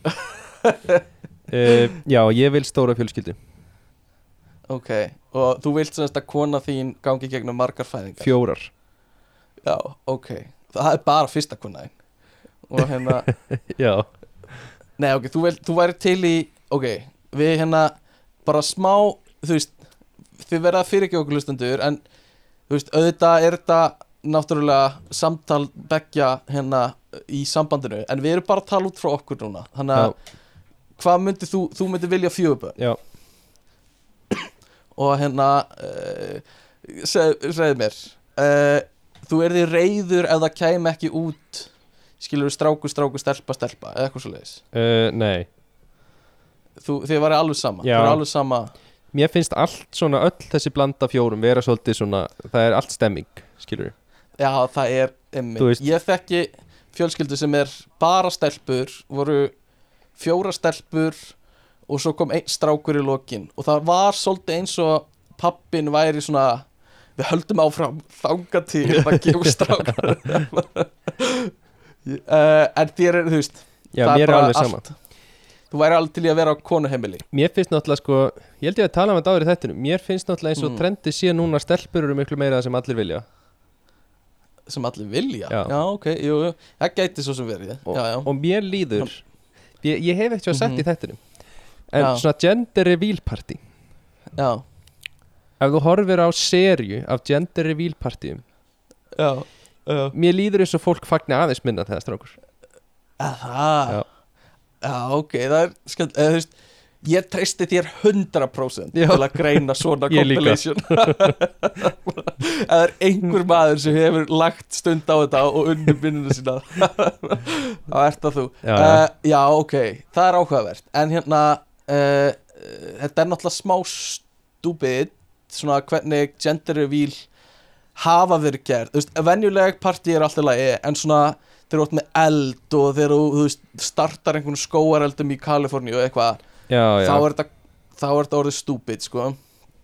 Um, Ég held að hafa nú ekki Þannig að- ætla sér að starta skóareld í í jú það var, það var ef að skóareldurinn er undir 100 ferkilometra þá er það strákur. Ef hann, nei, hérna nei, það er alveg rétt sko. En það bara getur verið svo uh, asnalega gert sko. Og líka þegar maður sér svona gender reveal party og það er, það er bleikt konfetti og svo kemur frænkan eitthvað, nei, nei, nei, það á að vera blá- það á að vera blátt, það er vittlust Nei, það, hefur það gæst það er mjög fyndið sko. Uh, það er mjög fyndið þeir eru búið að fagna eitthvað svona já það er stelpa, yes! Eins og við viljum, það, það er svona trending núna við erum akkurat í trendinu og svo kemur frækkar eitthvað það er, það er strákur, ah fuck. Oh, oh fuck. Uh, nei en þú væri alveg til í að vera að sko mamma mín greið mamma mín uh, býr á kallaheimili sko. Já, uh, er kona á kallaheimili með alveg svona gaurum sko, Já. kallaköllum. Já, eða svona, ekki kallaköllum það er engin, það er engin svona drekka bjór með fótboltanum sko, hérna, Nei, við erum bara nördar. Já, já, uh, við erum bara svona nördar sko. Já. en Nördaköllin hérna nördaköllum er betra. En hérna uh, en þú væri alveg til í að vera þú veist þannig nema bara á stelpu heimili Algjörlega. Ég, Þú veist að mér þess að að ég myndi algjörlega blómstra sem svona, já, það er alveg rétt sko. Ég væri Það er alveg óbáðslega góður og þannig heimili. Já, ég hugsa það. Ég, Það er hérna, ég þekki eitt svo leiðis heimili þar sem pappin er algjör svona stjarnar sko, að því þá er það sko þá er það kallmaðurinn í lífinu þínu skilur, þá er það pappiðin skilur Já, já, á já. þannig heimili sko, þannig að þú verður ósa pappa kær Þú og setur hann hringir alltaf já, í pappa Setur standardana svolítið hátt Já, já, já, að því, að því það er papp, pappiðin sko. Og hérna það er og þá verður kærastinn að vera alveg eins og pappin Já, einmitt í þessari fjölskyldu þá er kærastinn alveg eins og pappin og hérna uh, ert þú alveg eins og pappi Kristínu? nei, ég er að tala um aðra meiri stelpu fjölskyldu heldur en að því Kristján á bara eina systur sko. Þannig eru þær þrjár systurnar. Og, uh, og hérna þar er bara þar kom stel, sérst, vinkona mín bara með föta pappa sínum og bara getur þú klætti í þetta dagstælega og Nei. ylvatnið hans og eitthvað svona. Og hérna reyndu að svona aðlega röddina eina þannig að hún sé aðeins dýpri eins og pappi Já, já. og uh, nei, en, en það Kallaði er mig dóttuðina já, já kallaði mig dóttur Segðu þú sitt stoltur af mér. Já, já, ymmi, það er alltaf svoleiðis í kynlífu bara eitthvað svona bara eitthvað, bara eitthvað svona, ertu stoltur af mér? Bara, já, Ég, veit Um, ekki, já. Nei Ég veit ekki af hverju við fórum hvern, komin í í ég veit ekki hvernig við fórum við þetta. Uh, en hérna nei, já, ég líka bara hvaða blanda sem er, það þetta var góð punkt fyrir þér. Hvaða blanda sem er hljómar er alveg svona skemmtilegt og hérna Já, og sérstaklega ást með fjögur stykki af börnum skilur Já, þá já, er alveg svona það verður einhver svona skemmtileg fjölskyldu dýnamík sama hvað sko. já, já, já. En hvernig, hvernig er árabilið hjá fjölskyldunni? Sko, ég væri helst til að hafa mjög stutt á milliður allra. Ég er náttúrulega það er sko, bara minimum recovery time og það er bara Já, beint inn á völlin aftur skilur það er bara þú farað að fara á bekkin og drekka vatn í 5 mínútur já, já. aðeins ná andanum og svo fyrir við bara inn á spila aftur já. Ég er náttúrulega Júli er enga veginn sammála þessu plani, sko nei ég hef heyrt Júlíu tala um þetta nefnilega. Þetta er bara mitt plan, sko. Nei, meitt, en Júlia gæti verið í þættinum að segja sína skoðan ef hún vildi en hún er bara ekki hérna, Nákvæmlega. þannig að við erum bara að tala um okkar hérna pælingar. Já, já. Um, já, þannig að stutt á milli en allra, er jafn bil á milli allra? Eh. erum við að tala um, þú veist, eitt og hálft ára á milli allra eða, Ég, þú veist, maður hefur heyrt ég væri- einhverja svona sögur í gamla dag, eitthvað svona, já, ég á tíu sískinni og við fættust öll á fjö- 15 ára tímubili, eitthvað svona Ég held ég væri er smá bara- til í svona Sorry, ég bara algjörlega talaði yfir því. Ég sá þér, þér, er þér brá bara þegar ég bara Já, já, bara þetta hefur aldrei ekki stáður Akkur er gummið að grípa fram í fyrir mér? Sorry, Má klára, það? klára þetta. Nei, ekkert meira það, bara að segja bara hvernig gengur það upp að þú veist, mamma eignast tíu börn á 15 árum? Skilur það bara, þú ert það bara aldrei ekki ólétt, basically, skilur Já, já, já. Já, bara, já, en þú veist, ég veit nákvæmlega hvernig það gengur upp. Eða ok, ok. Ég meina það þýðir þá bara að þú ert nýbyrjuð býst ég við að, að þú veist, fara á blæðingar aftur og eitthvað svona, þegar það bara já, já, akkurat. Og það er bara mjög frjótt, skilur, það er engin ófrjósemis, skilur, byð í einhvern tíma, það er bara strax, bara við fyrsta kynlíf, Já, það já, er bara nýtt. Svo er þetta náttúrulega bara, þú veist, fólk er svo mismunandi, þú veist, meðgöngur eru náttúrulega svo opaslega, þú veist, mismunandi. Algjörlega, Það er algjörlega. alveg, ég hef aldrei gengið í gegnum meðgöngu og hef ekkert segjum þetta. Ekki ennþá, kannski í framtíðinni. Nú við getum ekkert alveg loka á það í dag. Nei, nei, við getum, við getum nefnilega ekki alveg lokað á það. Já. Það er bara 100% en þú veist það lítur út fyrir með við sögur sem eru heyrt að þú veist, Mhm. sumar konur hafa upplegað meðgöngu sem hafa bara verið bara svona valltekið eftir og Já, aðra já. konur upplegað bara ömulega meðgöngu Einmitt. Maður heyrir stundu sögur bara eitthvað svona af konu sem sem bara allt í einu fætti inn á klósett á hans að hafa vita að hún væri ólétt eða eitthvað svona. Ég heyrði svona sögu Já. bara á Íslandi um daginn af konu sem bara sem gerði þetta, bara lendi í að fara á klósetti og var illt í maganum eða eitthvað. Og svo bara inn í vinnu og svo bara hálftíma seinna er hún bara komið með barn í hendunar sem hún fætti já, pældi því bara vissi ekkert af því að hún væri ólétt. Já, það er alveg magna mér finnst það, mér finnst það nefnilega fáran þetta er svona eins og þú kemur heim úr vinnunni og það var allt í hennu bara barn skilur eða eitthvað. Skilur bara, þú varst ekkert að búast við þessu þú veist ekkert já, hvað það að gera. já, já, já, einmitt. Guð, og örgla, örgla tíu svona skrýtnar eða það er eitthvað að koma út úr þér skilur þannig að Eh, allavega það. Já. Ætla ekki að leggja þetta í öfni uh, já, en, en í gamla daga var þetta náttúrulega, var fjölskyldu dýnamíkin náttúrulega bara öðruvísi, það var bara að því þú, þurftir að reyna oft til þess að fá börn sem komist á legg. Og það væri næs að hafa þau mörg þannig að þú veist þú getur deilt ábyrðin eða einhver getur tekið þig þannig að þú býrð hjá þig þegar þú ert orðin eldri. Og öll börn voru getin eins og með vindil í annari í gólklubnuðinum já, já, já, já. Mm Já, getin. Uh, Jó, ok, getin, já, já. Já, Getnaðurinn getur alveg átt sér staðinn og gólklúb með vindil í hendinni. Já, Algjörlega. Sko já, ég hérna eh, mér langar að bæta við þegar þú ert talað um fjöguböld Já, já. og svo, sko argument sem ég núna heyrt sem margir eru mjög sammálum Já. er eitthvað eh, passi ekki öll í bílinn? Já, nefnum hún sérst á Mm. einhverju svona ljótri rútu. Já, svona minivan já, Mhm. Einmitt ekki Ég vandamál. taka, ég myndi, nei ekki vandamál. Ég myndi taka þeim lífstíl fagnandi. Þú náttúrulega, foreldrar þínir væri- voru lengi á rútu Já, svona, svona semi-minivan sko. Ég væri fremstur í flokki Já. á þessari minivan rútu sko. já, já, Það er bara ekkert sem ég myndi elska meira heldur en að fara með alla fjölskyldina upp í rútu að að- rigga í, í spíltúr já, búin að rigga hérna flautuna eitthvað svona Já, já du, du, du. Og hérna uh, Púla upp og hérna Mitt eigið podcast náttúrulega Ég ætla bara að láta börnum mín hlusta og ekkert að frétta. Ég ætla að láta þau sopna út frá röttunum okkar Fyrstu árin. Uh, Æ, Og hérna skemmt Nei, en hérna Ég, ég sé þetta ekki sem vandamál. Uh, Og hérna Mér finnst þetta bara, bara gæðveikt að fá að keira á svona minivan sko. Já. Og ég meina ég ætla eiga bara tveggja setta sportbíl sem verður bara pappa í vinnuna Já, já, já, já. Þú veist.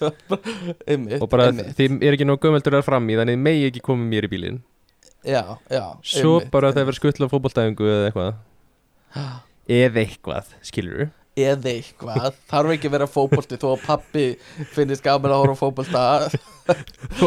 Já.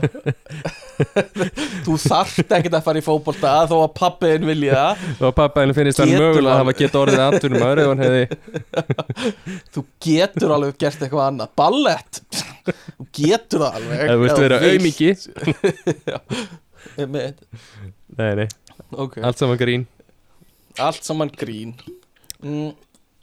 Ok, en, en hérna Það er oft talað um svona Fólk á okkar aldrei Segir oft eitthvað svona Já, vini mínir, þeir eru fjölskylda mín. Já, Vini mínir, þeir eru Mín valda fjölskylda. Eitthvað svona. Um, ok.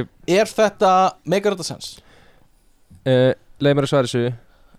Já, Býttu í 5 sekundur já, já, já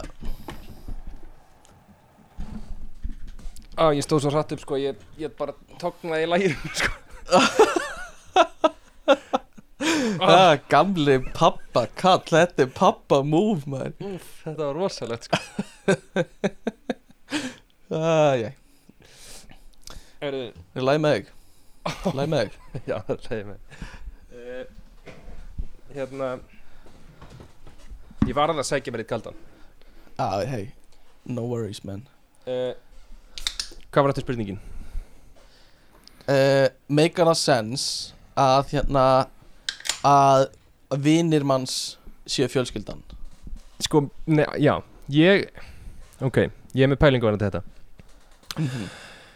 Mér finnst Fjölskylda er fólk sem er skildir Já, eða þú hefur Já, upp með Ólst upp með. Þetta er eitthvað svona Þú veist, þetta er mjög skýrt Hver er Mhm. fjölskylda Svona í samfélaginu okkar. Uh, Já, alist upp með blóðskilt mm -hmm. Hvernig segir uh, mm -hmm. En mér finnst ekki að fjölskyldaðin þurfi endilega að vera viniðinir Nei, nei, nei, nei, einmitt. Og mér finnst svona Og Já, þú getur átt mjög slæma fjölskyldu sko. já, þú getur átt mjög Það er alveg Já, Þú veist, við og allir sem við svona, flesti sem við þekkjum hafa átt frekar góða eða svona búa frekar bara góður, góður fjölskyldu. Já, já en það er náttúrulega bara ekki gefið sko. Nei. Og ég, þannig að þá skilja að þú viljið distansa þig frá einhverju svona dóti. En, en ég samt fjölskyldaðin er einmitt það sem þú ert að segja svolítið líka. Já En mér finnst þetta að vera sko Því að mér finnst vera tveir hlutir að Ef þú segir að fjölskyldan séu við Að vinin séu fjölskylda mm. að Því að þú velur ekki fjölskyldu já, Til að vera með þér Og þér þarf ekki að líka velja fjölskylduna þína. Og mögulega líka er ekki velja fjölskylduna þína. Mm Og með því að setja hana stimpil á að vinin séu fjölskylda Þá segir já, þú veist, fjölskyldana eiga að vera eins og vini mínir fyrir mér og eitthvað svona. Já, uh, þá ertu eiginlega, þú veist þessi ímyndum að, um að að því að við erum fjölskylda þá verðum við að vera góði vinir og okkur verður að ná saman og verður alltaf að vera frábært og eitthvað svo leiðis mm -hmm, það Já. finnst mér að vera það sko, það er gallin, það er merkingargallin við þetta. Er að þess vegna vil ég ekki segja að vinir séu fjölskylda því að að vera vinur er eiginlega bara mjög stert orð. Og nefnum þú komir frá Já. mjög góðri fjölskyldu þá er bara að vera vinur bara, þú veist, einmitt. bara svona eiginlega merkilegra sko. eiginlega merkilegra Að en að vera fjölskylda sko. Já, af því þú þarft ekki að vera ef þú ert vinur þá ertu til staður af því að þú vilt það sko. Ekki af því að þú þarft það eða fættist inn í það og mér þykir alveg miklu vætna um góða vini mína heldur en alveg, alveg þó nokkra eitthvað frængur og frænda skilur mm Já, já, já. Nei, algjörlega sko. Maður, þú veist uh, bara, já ég, þú veist já, ég veit ekki hvað maður á að segja. Þú veist, ég ma, mann þykir alveg vænt um ég á mjög góða svona stær, stó, stórfjölskyldu sko. Já, og mér þykir vænt um bara alla þar. Það er enginn í stórfjölskyldunum minni sem er sem er eitthvað off eða eitthvað svona eitthvað svona já, eitthvað þannig. En hérna uh, en ég held að það sé enginn að þeim heldur sem er vinur sem ég er að hanga með eða þú veist, já, annað bara þegar ég hitti í fjölskyldu dóti sko. Um, að, já, ég veit ekki. Ég held ekki sko. Ef að já. Er enginn í stórfjölskyldunniðinni já, sem væri minna tróma fyrir þeim myndi deyja mm, heldur en eitthvað væri, eh, væri minna trama ef einhver deyr heldur en þú veist, ef að þú myndir deyja Já. það væri meira trama fyrir mig heldur en alveg fólk úr stórfjölskyldunum minni, sko þú veist, það er leðilegt ég veit ekki hvort það er leðilegt þetta meikar alveg sens, ég er miklu meira með þér skilur, Já, ég já. þekki þig þú veist, ég veit hvernig hjarta þitt slær miklu betur heldur en Ó, fólkið úr fjölskyldur minni. Já, en ég meina þetta er bara satt skilur og, og hérna en, en það, er samt, það er samt öðruvísi ást skilur á Já, milli já. okkar og milli fjölskyldunar minnar þú veist, Já, veginn ég meina við gætum uh, átt einhvers konar svona falling out og hægt að verða vinnir já, já, mér finnst ekki líklegt en þú veist það gæti verið að ég vil ekki borga þig fyrir ekkert að frétta þetta neina eitthvað, ég veit ekki, þú myndir vera pyrraður út í mig eitthvað uh, en það, ég held að sé svona lengra í það að ég hætti nokkuð tíma að umgangast einhvern í fjölskyldunum minni sko. já veist, það er líka það sem er svona það sem ég held að láta okkur stundu þykir og svo vænt um fjölskyldun okkar er ykkur Mm. svona er þegar hún er þessi svona hún er smá skilirislaus eða þú veist, hún er, já, já, já, þú veist, ég veit ekki mér finnst eins og bara með sískinni mín það er rosa gott og bara fjölskyldur mín og að vita að ég er í góðu sambandi við þau. Þá er bara svona smá partur að ég er gott að vita að það getur allt fokast upp í lífinu mínu en þú veist, þetta fólk einmitt, verður alltaf Einmitt. að skilur einmitt. Og góðir vinnir munu sennilega gera það líka en það er engin skild eða þú veist, það er það er ekki, þú gengur ekki endalaði vísu skilur eða þannig og hérna Nei. veit það ekki. En, en hérna já þetta er og kannski er það er- bara mamma og pappi sem myndi, þú veist, þú pælir í það sem myndi gerast á milli okkar sem myndi Já. gera verkum að við myndum bara hægt að tala saman og eitthvað. Eins og segir eitthvað svona þú veist, eitthvað svona peningamál eða eitthvað svona, þú veist, Mhm, ö, mhm. dómsmál yfir einhverju, skilur já, þú veist, þetta er kannski svipað menn að fjölskyldur hafa hætt að tala saman líka út af peningamálum bara erðamál ég- eru bara, já, ég þekki eitt svoleiðis dæmi sko. Bara mjög algengt. Bara þegar Mm. erðamál koma þá bara fjölskyldur bara splundrist. Algjörlega, algjörlega sko. Ég hérna veit um eitt svoleiðis dæmi. Þannig að, að það er algengt sko.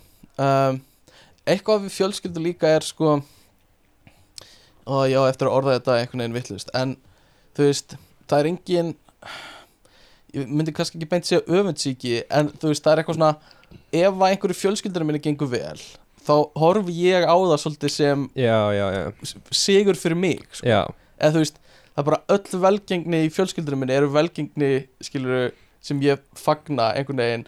En kannski einhver, kun, ef einhver kunningi minn skilur hérna er allt í einu orðin stopnar næsta Google eða eitthvað og þá er alltaf einhver svona þá er kannski einhver svona öfund eða eitthvað svona bakviða einhvern veginn. Já. Uh, en ég veit ekki að þetta er ekki kannski alveg nógu vel orðað en svona sirka skilur Nei, ég meina, ég, það er eitthvað svona ég held bara þetta sé mjög vel orðað já Ég held Ok, þetta sé já. algjörlega, þú veist mhm mhm Ég held þetta sé oft geti reynst challenging í vinahópum Mhm. einmitt Já. að svona ná þessu fullkomlega mhm út af því að það sérstaklega því að vinarhópar eru, þú veist þið geti verið á sama stað einhvern veginn algjörlega í lífinu. Þannig að þú veist, Mhm. það er, getur fyllt miklu meiri minnamáttakend og öfundsíki eða einhver já. er að upplifa eitthvað geðveitt sem þið langar geðveitt að upplifa en þú ert ekki að upplifa, skilur Einmitt. þú veist við- ma maður var kannski, það voru allir saman í mentaskóla á sama stað, bara á nákvæmlega sama byrjunarreit einhvern veginn. Já, og svo verð ég kannski ógisla frægur Hollywood-leikari skilur eða einhver annar. Og það er kannski draumurinn sem þú vildir Já. alltaf verða Hollywood-leikari eða eitthvað, veit ekki. Já ég, það væri ég myndi þú veist, ég myndi þurfa að reyna. Mm þú veist, já, maður myndi klárlega þurfa að fela þessa, þessa svona öfundsíkis tilfinningu já, þó að Einmitt. út af við myndur alltaf vera supportive og þú veist passaði á Já. því þá væri klárlega myndi koma upp eitthvað svona einmitt, einmitt. Algjörlega, hérna svo höldum áfram eh, eh, ef að mamma þinn og pappi þinn væru ekki fjölskyldaðinn heldur að þið væru vinir? Heldur að getur verið vinniðinir uh, nei,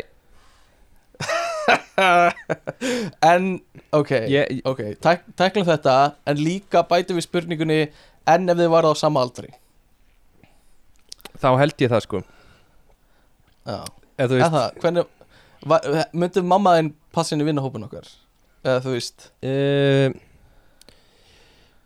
kannski ekki vinahópin okkar nei, en þú veist, ég veit að skilur ég veit ekki hvað það er en það Nei. er svona svipað samband síðan við fóreldra mína og við vini mína Ok. sem að svona er, þú veist, svona partur af því svo er þetta foreldrasamband sem er Mhm. öðruvísi Mhm, skilur mhm. en svona partur af því er samt svona, svona þú veist, dýnamík sem er, er svipuð Já. skilur Ég man þegar við vorum Þú varst einhvern veginn tímann Á ég að fara á þjóðutími strákunum Eða mömmu og pappa já, já, Og hérna Valdi strákuna en, já, já, það var Nei, tætt tjók Það var tæft uh, Nei, ymmit, ég skil þig. En þannig að þú veist Ef að þú hefði verið þannig Árið 1980 Eða hvernig sem þau voru í mentaskóla Eða eitthvað Og svipiðum aldrei þú varst Heldur þú að þau hefðu Þú veist ef við saman, kynst?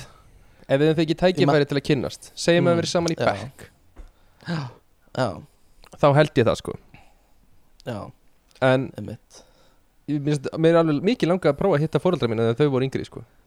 Já, mér nefnilega líka sko. Ég, Mér líka. Ég veit ekki drosa mikið um fóreldrar mína þegar þeir voru yngri sko. Sérstaklega pappa minn. Ég veit ekki drosa mikið um hann sko. Já, uh, En þú veist, hann er svona Í dag er hann svona heimsbyggi kall sko. Já. Uh, Bara, ætla hann hafi verið bara ég, ve- Já, ég held að hann hafi alltaf verið svona hu- hugsandi gaur sko. Það já, svona en uh, en þú veist ég veit ekki hvort að ég veit ekki hvort að sko væpin okkar hefðu passað einhvern veginn, já, já, já. Ég, held, kannski. ég held náttúrulega að fóreldrar okkar náttúrulega præm árið þegar það voru í 80s sko. Já, uh, einmitt. þannig ég held að þau muni ekkit rosalega vel hvernig var að vera ungheldur nei, þau eru svona fóreldrar okkar eru svona Stranger Things börn sko, já, Það svona akkurát á þeim tíma sko. Uh, já, ég veit ekki þetta, hann væri áhugavert sko. Ég veit að pappi minn hefur farið einu svona þjóðtíð svona það er það eiginlega eina sem ég veit um af hans svona hérna uh, skemmtanar menningu þegar hann var yngri sko. Já, um, en já, ég veit ekki þetta er, þetta er áhugaverð spurning, heldur hlustandi, heldur þú að þú uh, myndir vera vinur fóröldræna ef að þið verið ekki skild já, myndi vera hitting it off? Um, en já, eins og við s- sögðum á hann sko, fjölskyldur geta verið góðar og það geta verið slæmar. Og hérna það er þú veist eitthvað sem bara mjög margir lendi í og ég var að lesa fullt af sögum áðan af einhver svona fjölskyldusögur á Reddit og hérna fullt af þeim snýrast um eitthvað svona, svona ég þekkti uh, vinu minn sem bjó í gödunum minni hann átti mjög slæma fjölskyldu og ég fattaði aldrei fyrir en ég var hún eldri að þetta var eitthvað ofbeldi, eitthvað svona bla bla bla. Og það var bara önnum hver saga, skilur var einhvern veginn svona, skilur, þetta er ógæðslega algengt og maður svona gleymir, maður missir svolítið sjónur að því að maður kemur frá mjög góðri fjölskyldu að það er ekki einhvern veginn það sem allir búa við, sko. Nei, nei. Og, og þú veist, það var eitthvað svona eitthvað svona, hvað var það í hérna uh, fjöl, fjölskylduna þína sem þú fattaði svo seinna var ekki eðlilegt? Og þá var oft bara, já ég fattaði bara ekki að það voru ekki allir sem lendu í þú veist, hérna líkamlega andlega ofbeldi á hverjum degi skilur, Já, fyrir var já, orðin já. tvítur eitthvað svona sem, já, sem bara þú veist, að því þú og líka þú veist eins og ég mér líður mjög vel heima hjá mér Já, skilur, já. ég bara þetta er bara þetta er svona safe space skilur það er bara hverki sem hann líður örugari heldur Mhm. en heima hjá sér og ég á bara minnst svo það er svo erfið tilhugsun og leiðilegt að hugsa þetta að, sumt fólk bara upplifir ekki þessa öryggiskend heima hjá sér skilur og bara það er bara einhvern veginn warzone í gangi alltaf þegar þú ert heima Einmitt. skilur og þú færð ekki þú færð ekki þetta öryggi að vera þú veist í þínu besta umhverfi og með bara fólkinu sem þykir best vænstum þig skilur bara já, já, uh, og sem endar náttúrulega oft í því að fólk leitar að heimilinu sínu eitthvað staðar annar staðar. Mm, ymmit en, sem en oft endar líka, ekki vel eða þú veist. Nei, já, ymmit og, og það kemur líka oft þá með sko með einhvern veginn þessar tilfinningar kannski inn á nýtt heimili þó að það sé ekki lengur hjá fóröldur sínum á svona stað. Þannig að en það getur samt einhvern veginn aldrei liðir nógu vel eða örugt einhvern veginn þó að það sé komið á annað heimil og búið eitt eða já, já, já, búið með nýju maka eða eitthvað svona. Það er alltaf að færi ekki þess að svona getur ekki slakað á þó að það sé heimið á sér skilur bara því að það var alveg upp af mjög erfiðum aðstæðum sko. það er eitthvað og þú veist það er hægt að leita sér hjálpar skilur það er bara verðt að taka það fram að veist, það eru hérna símar sem hægt er að ringi í við heimilisofbildi og hérna og uh, sálfræðingar eða, eða veist, það er eitthvað sem er viðegandi að hérna Já, bara til þess að að vinna úr svona hlutum. Allavega uh, já, endilega gera það. En hérna förum aðeins annað. Hérna, uh, pappar eru merkilegt fyrirbæri. Og við höfum aðeins verið að tala um pappa hingað til, svona okkur og hvernig við varum pappar og eitthvað svona. En er, eru og við líka skemmt gleði, vorum að tala um gleði áðan. Hérna, er einhverjir sem hafa meira gaman heldur en pappar að pappast? Þegar pappar eru að pappast í einhverju að hérna eins og pappi minn er hérna er ödull moltugerðar maður já, að hérna hann svona hann er með svona, mold, svona lífrænan úrgang sem hann geymir hérna í svona tunnu sem er alveg lokuð. Já, og þú veist hen, og hérna svo þegar uh, tæmir hann svona litla dollu af lífrænan úrgang onni í stóru tunnuna og setur eitthvað svona drasl yfir svona siktar yfir eitthvað svona spæni og eitthvað og pressar svo niður og er svona í mesta pappamótinu sínu sko Já. og, og hérna og uh, þetta er, alg, þetta er, þetta er algjör viðbjöður sko og svo þegar hann er búin að pressa niður þá tappar hann af öllum vökvanum já, Öllum- já. matar og úrgangsvökvanum og það er bara versta lykt sem ég hef fundið þér af því sko þetta er eins og bara einhver ælulykt og hann er bara svona þetta er bara svona pappar og pappast í einhverju svona dundi sko. Hvað gerir hann við þetta síðan? Er hann að nota þetta einhvers Svo- sem einhvern svona ábyrðu? uh, nei, hann notar þetta ekki en hann býr til mold og ég, held, ég veit ekki hvað verður um moldina hvort að hún er tæmd eða hvað það verður gerst en við erum með hans litla dollu undir vaskinum eða svona, ef við erum með hérna svona uh, tunnu undir vaskinum og svo er hún tæmd út í garð í moldar nokkur út í garði. Já, já, já.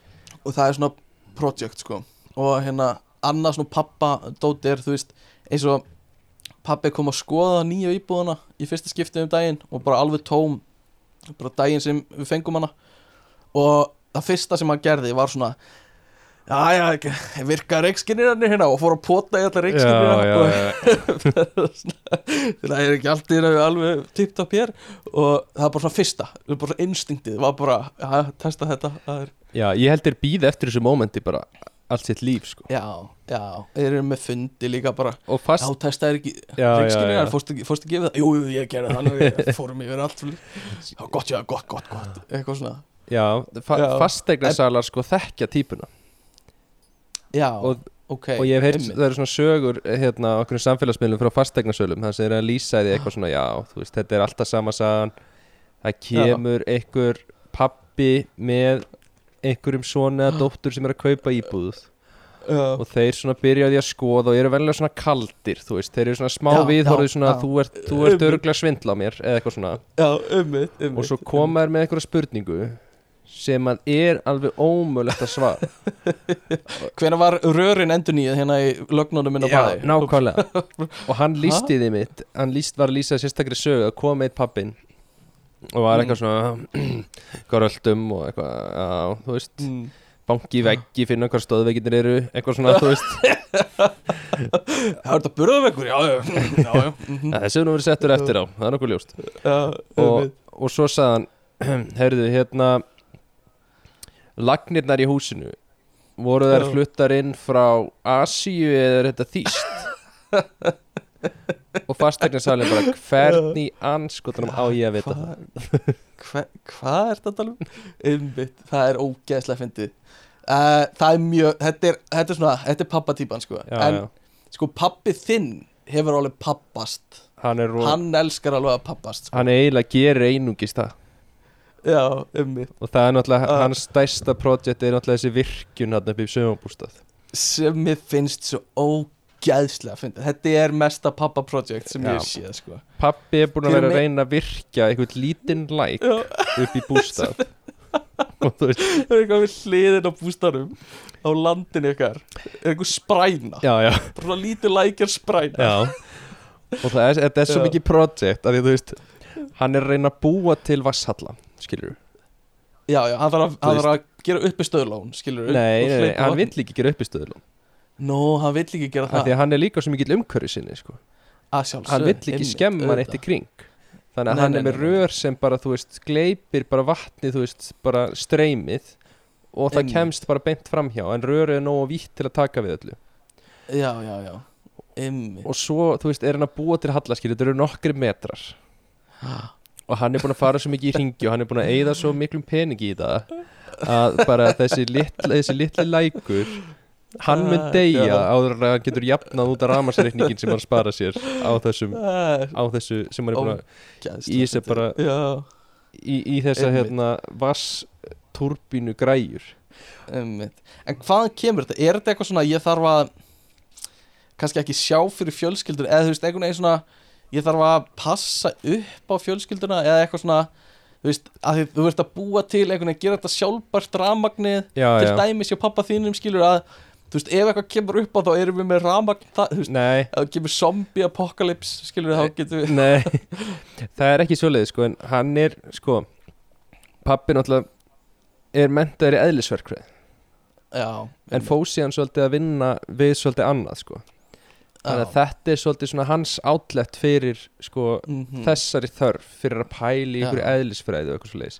Þannig að öll projektin að snúast um eitthvað svoleiðis hann hefur geðvikan áhuga á þú veist öllu svona Elon Musk dæmi. Þú veist Já, allt sem er gert með einhver svona umhverju sjónamið hefur náttúrulega mikið áhuga á. Og þú veist þú veist þannig að hann er skilur að skoða hvern, veist þannig að þetta er allt svona þú veist það snýst allt um einhverju þróanir sem eru þar í gangi um hvernig einhverjir gera ferðamáta auðveldari hvernig er þetta capture einhverju orku og búið til ramagn úr því þannig að þetta Já. tengist allt saman þú veist vass, hérna, þessi litli lækur á að hlaðin á einhvern Tesla coil batteri skilur þú Það veist er sem hann er búin að finna einhvers stóra skemmtilegt. netinu og eitthvað svona já og annað sem finnst fyndi við höfum talað um hérna pappiðin er alltaf að kaupa ljósapyrur hann finnst Já, það já. mjög skemmtilegt já, já. að hérna, það er líka svona pappa dót hann sko, kaupir alveg ó, reikskinjar já, já. Hann kaupir alveg urmul af drasli sko. Það er svo fyndið. Og hann er eins Og og, krakki þú veist. Já, og Einmitt. honum finnst eins og hérna þú veist, honum finnst róbótar svo töff. Já. Þannig að hann er búin að kaupa svona 30 róbóta á heimilinu. Veist, eitthvað Já, svona litla dróna og eitthvað svona litla bíla allt sem er svona sjálfkerandi eða þú veist, passa sig að klessi ekki á neitt eða dróni sem balansa sig sjálfur þannig að þú getur slegið í hann en hann svona balansa sig. Já, og þú veist, og hann segir alltaf eitthvað á börnin hafa svo gaman að þessu. En þau Já, eru bara hrætt það- við þetta þú veist, það er bara ógstlega mikill háfa þau, þetta er bara ógstlega creepy dót. Já. Þau eru bara hrætt við þetta en hann bara, þú veist, hann elskar sko. þetta. Já, þetta er já, þetta er hérna pappi minn er svona vasanhífagur sko. Já, hann er alltaf með svona, með mörgum verkfærum færum í einu sko. já, já, svona leðurmann með svona 24 verkfærum í, í einum eitthvað. Og það segir elska Og- þegar það vantar eitthvað. Já, já, og hérna, er eitthvað með skrúján hérna, og hann bara, já, já, já, já, hérna, ég er með það hérna, og hann er með það í, alltaf í beltinu sínu í svona leður hérna, hulstri. Og hérna, smellir í svona úr svona, opnar smellin á hérna, ég er með, ég er með það hérna.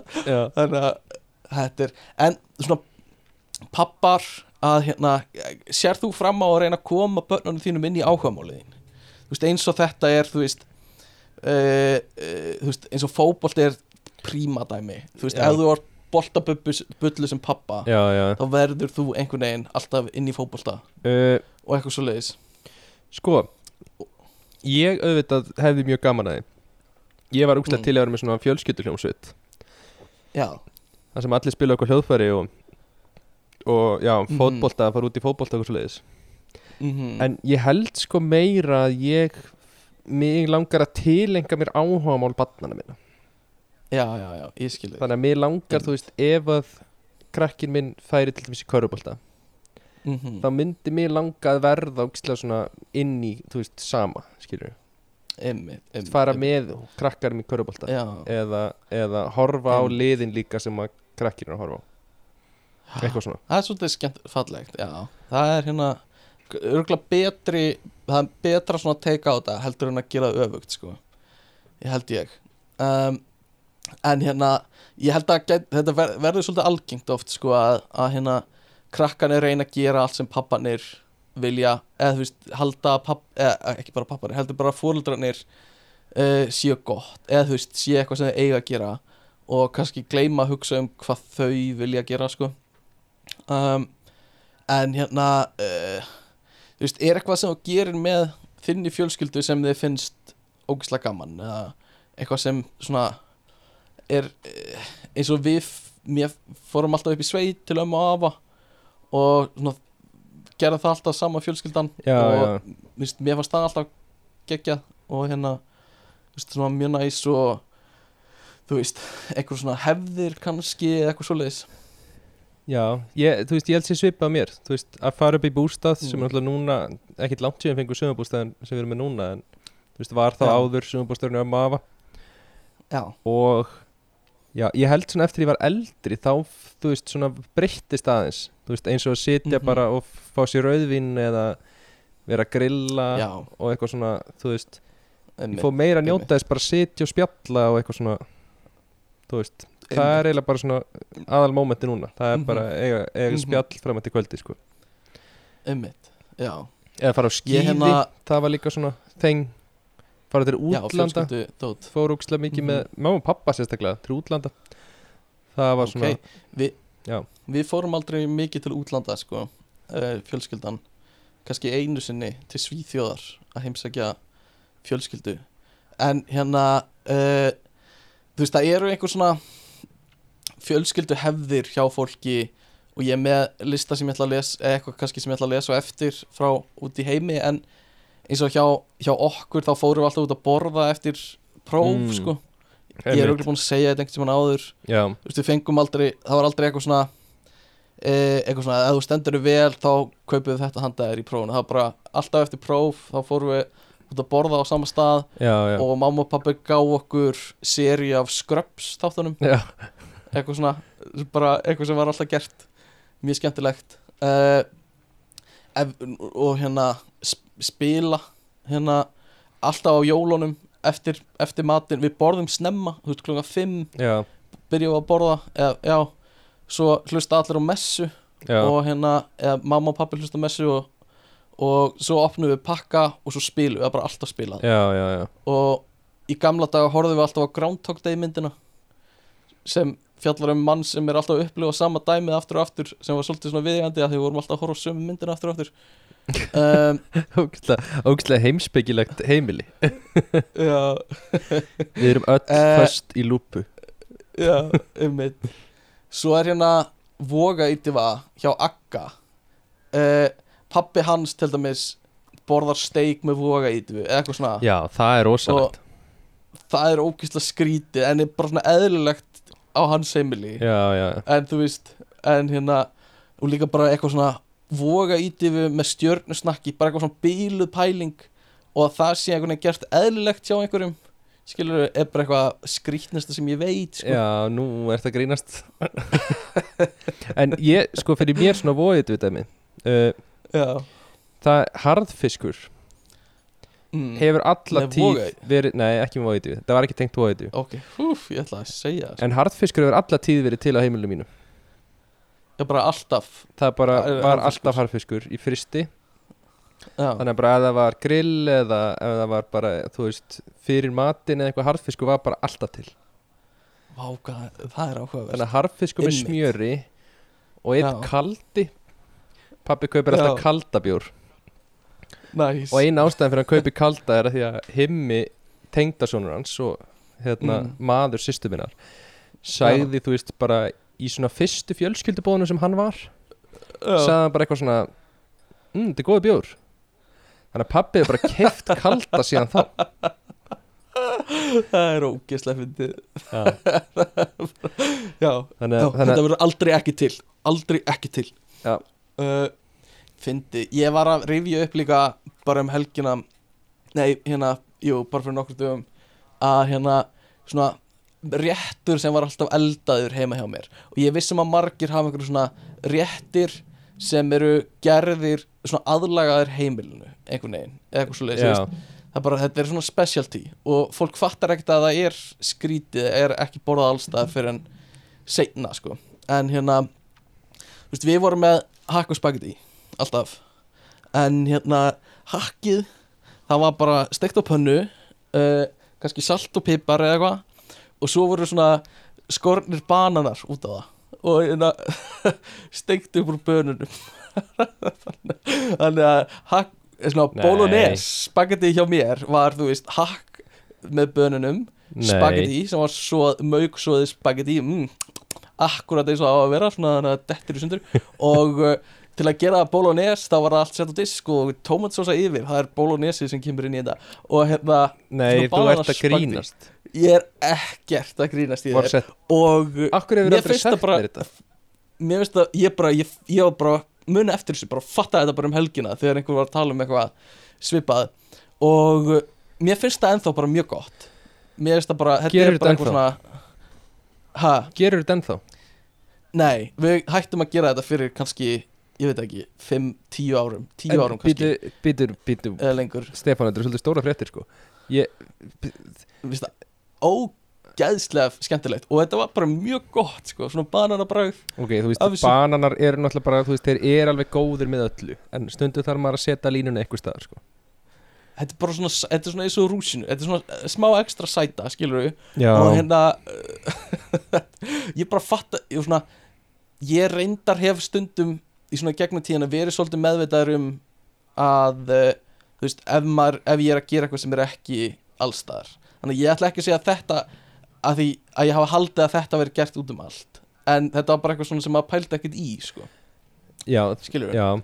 Hefur prófað að segja við Ítala bara, herri, já. hefur við prófað að setja banana í bólunesi? hafið þið prófað alvöru bólunes herra Ítali Herra kynnaði Ítalía. fyrir alvöru bóla, bólanes um, já, sem mér finnst e- þetta finnst mér mjög fyndið sko. Um, en hérna það eru ég, ég var að lesa svona hvað er eitthvað sem annað fólk gerir sem er, ekki að vera skrítið eða var eðlilegt eða einhver svona skrítin hefði hjá fólki.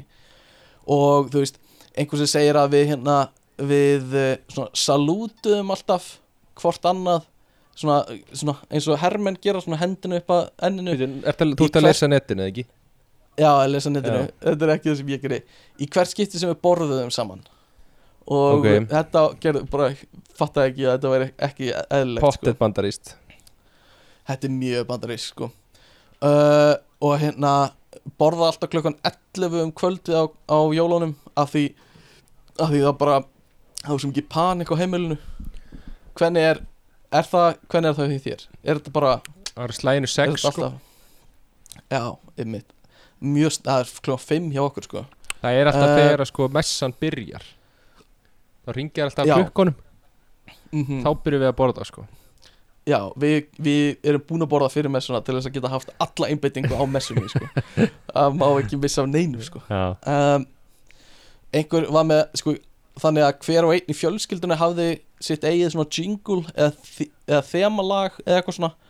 Þannig að sem ég finnst alveg smá skemmtilegt sko, ég get alveg sé að þú myndir incorporate eitthvað svona hjá þér. Þannig að þú veist uh, já, bróðurinn er með eitthvað svona stef sem er alltaf, sem bara hans stef sem er með eitthvað svona lítil texti og eitthvað. Og uh, líka hundurinn þannig að, og alltaf eitthvað svona súkið stem þemalagi fyrir hundin ég, ég gaf alltaf Var ég búin að segja fyrir að ég gaf alltaf pakka frá hundunum mínum frá hundinniðinum Já. Mér hverjum það, mér finnst það alveg frábært grín sem ég tók hérna, þessi ár sem hundur minn á lifandi. Já, og, ok. hérna, og þetta ætla ég klálega að gera í framtíðin en ég gaf alltaf, sett alltaf pakka undir tréð sem var frá sko hérna, sem var frá lottu Ó, til einhvers í fjölskyldunni. Já, ok. Og það var eitthvað svona ógislega næs hundadótt sem mér fannst bara alltaf svo fyndið. Mér fannst svo fyndið að hundurinn væri að reyna að gefa eitthvað. Það hún er finnst ógislega gott. Annarkort, uh, heldur hundurinn að manneskjunni muni fíla þetta ógislega mikið út af því að hún fílar þetta svona mikið eða hundurinn er að gefa manneskjunni þetta að, til þess að fá það sjálf. Já, en mér finnst eiginlega finnst meira cute að hún sé heldur að þetta sé bara besta já dót í þetta heimi er bara fyrir hundurinn er þetta bara besta sem það fær. Uh, ógíslega skemmtilegt. Uh, hérna er einhver sem segir að þau hérna þau segja alltaf draugasögur á jólunum áður en þau opna gjafinnar og sá sem segir hræðilegustu uh, jó, hérna draugasöguna fara að byrja að opna pakkan Ok. Þa, Þarf ekki að vera svolítið svona Þú veist, ertu að fara að gera þetta bara með 8 ára batn og 6 ára batn Í- og bara traumatized? Gre greinilega, mér finnst það smá svona, smá steikt sko. Kannski svona hægt og rólega verða þau alltaf meira og meira grúsom sögunar sem fóreldrarnir segja, Já, ég meina að þú veist eins og þú til dæmis, þú færir all in í svona mission, þú veist, þú myndir fara á bara, þú væri komin á deep web já, sögur.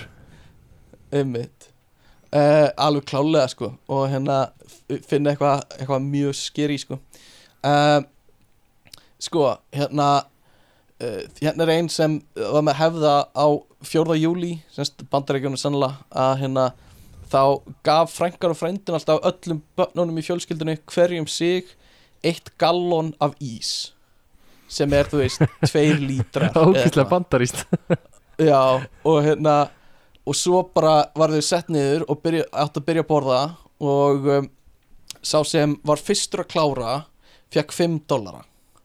Uh, en þetta endaði alltaf að því að allir krakkarnir fengu bara eitthvað massíma brain freeze og hérna uh, magpínu og eitthvað.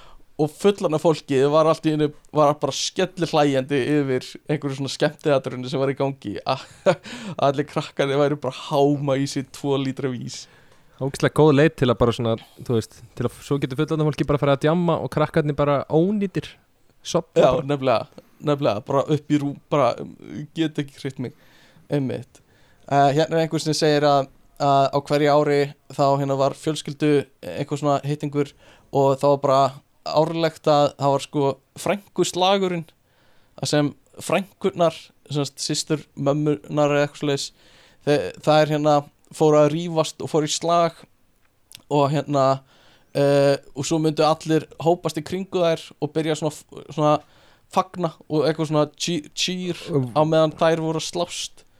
Og uh, voru þær í tóku- slást? Já, bara slást og stundu var að tekið upp á vídeo til þess að geta hortað það aftur seinna. En var þetta grín hérna- eða bara gerðist þetta alltaf að fauk? Ég held að hafi bara alltaf fokið í það og svo bara svona hérna Úff.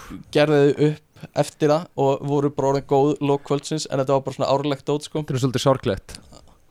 Þetta er smá sorglegt uh, og ekki kannski functional. Um, uh, já og hérna, uh, hérna er einhver sem segir að það var hefð hjá okkur á, á hverjum jólum þá hérna um, let papp okkur koma saman og dansa dansinn sem var í Ninja Turtles myndinni.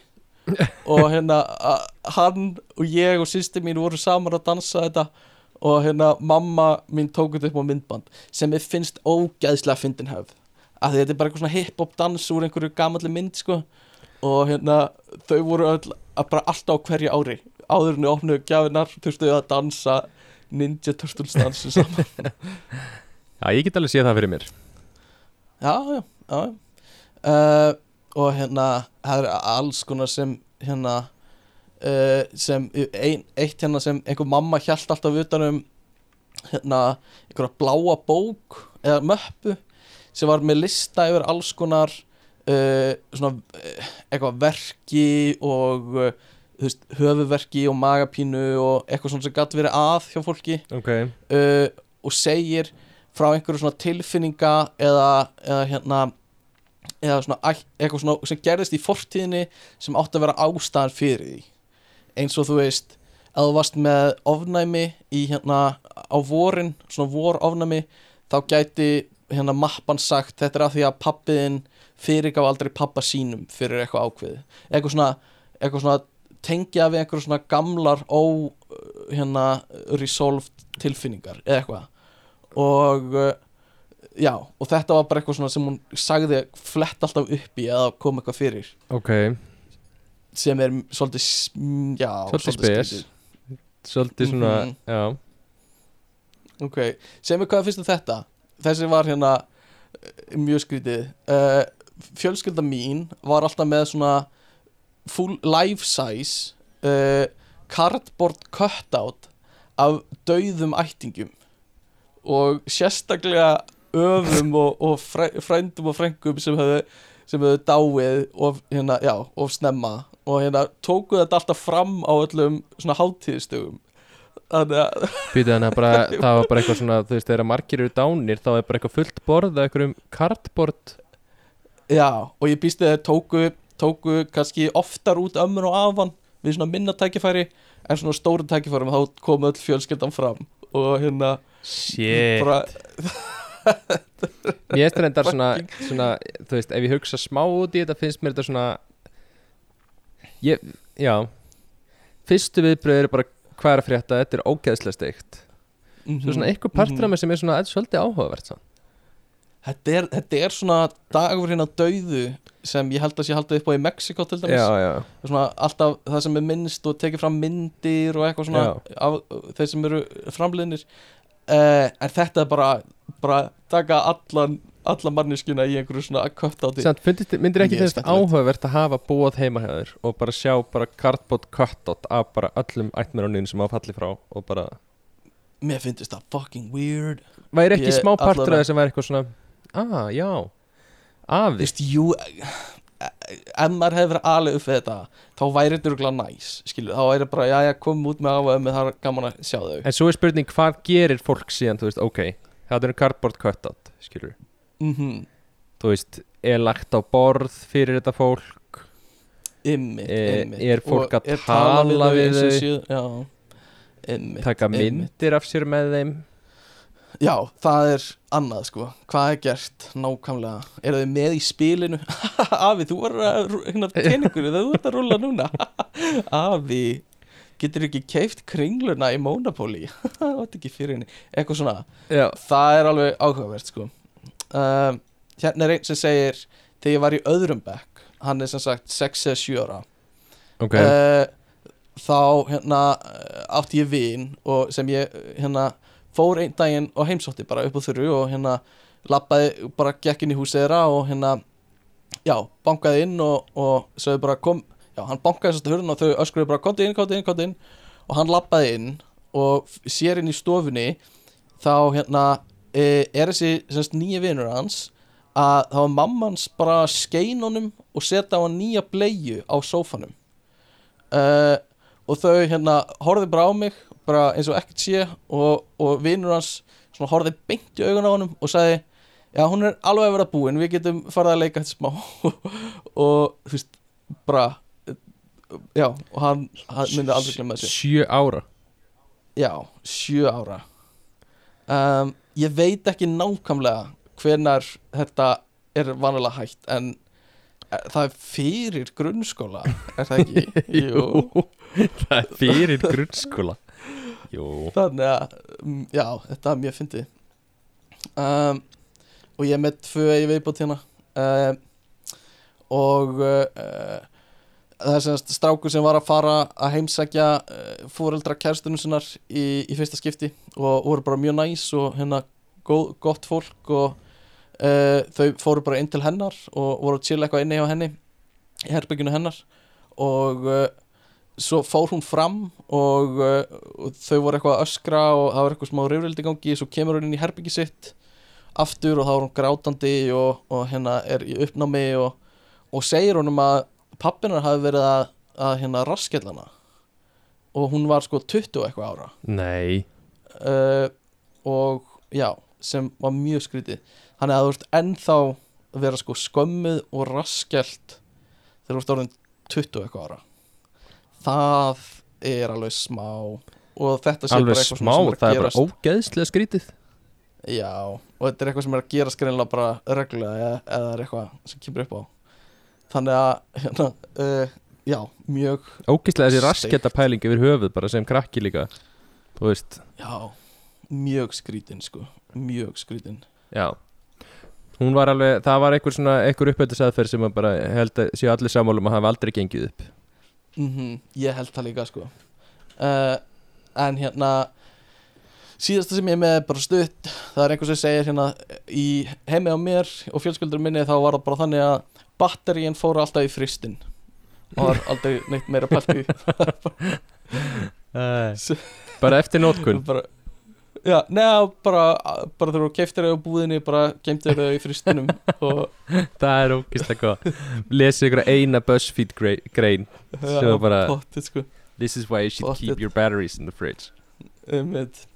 uh, En bara svona í lokin Ef við ekki fara að stúta þessu svo um, Hvernig er Hvernig er eh, Í hversu miklu samskiptum ertu við eins og Náfjölskyldunni þeirna Og svo stórfjölskyldunni þeirna Ná fjölskylda þá bara Það er bara grunnfjölskyldan.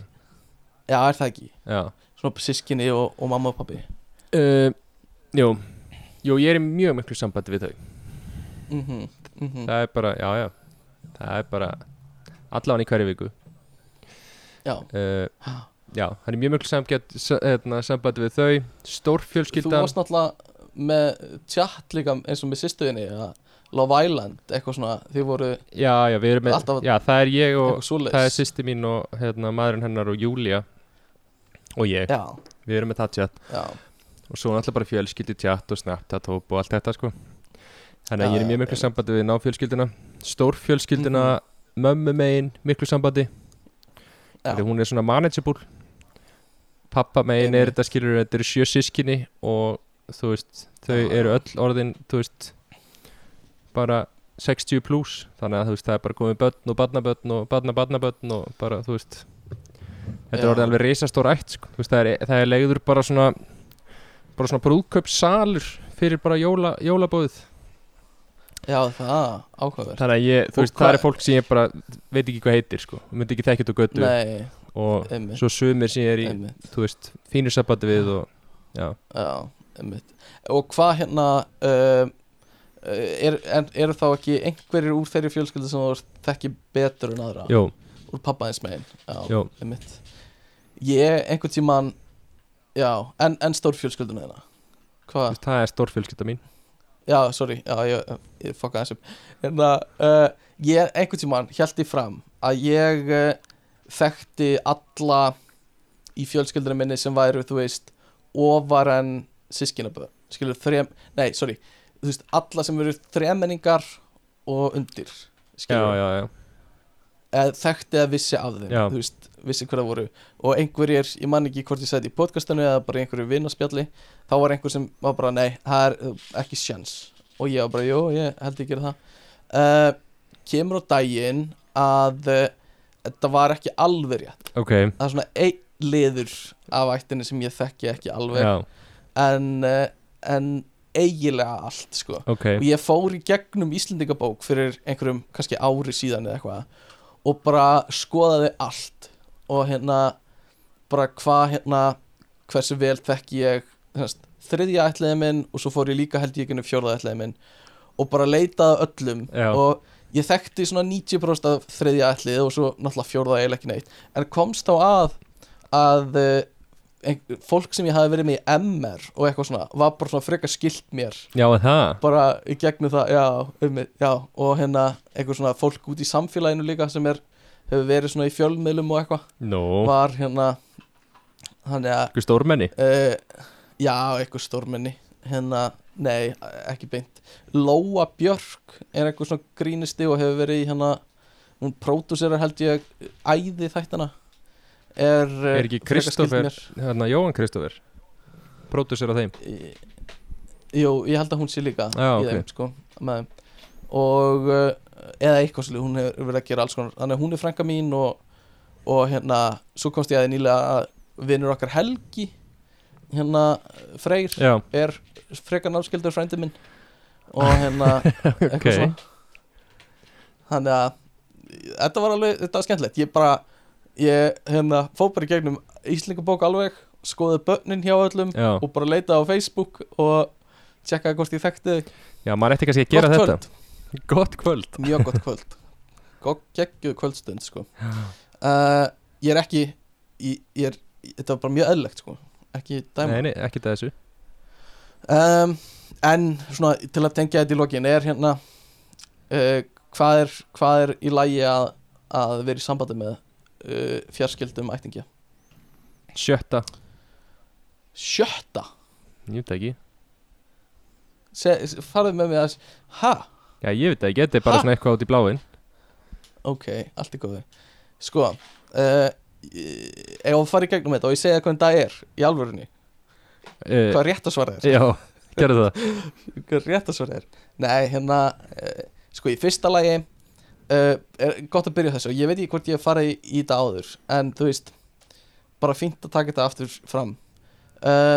Sko, sískinni í sambandi er ekki lægi Já, það er í fyrsta lagi bara ógislegt með fullri virðingu fyrir alls konar ástum en hérna bara ekki lagi. Þó að skilur börnin vera þú veist, það eru alla líkur á því að koma bara eðlilegt barn út. Já, skilur, það er kannski það er, það er meiri líkur á að verða eitthvað skrítið eða þú veist, eitthvað off en það eru alla líkur á að verða það bara en það er skríti bara ekki ástæðan. Já, mér finnst það bara skrítið.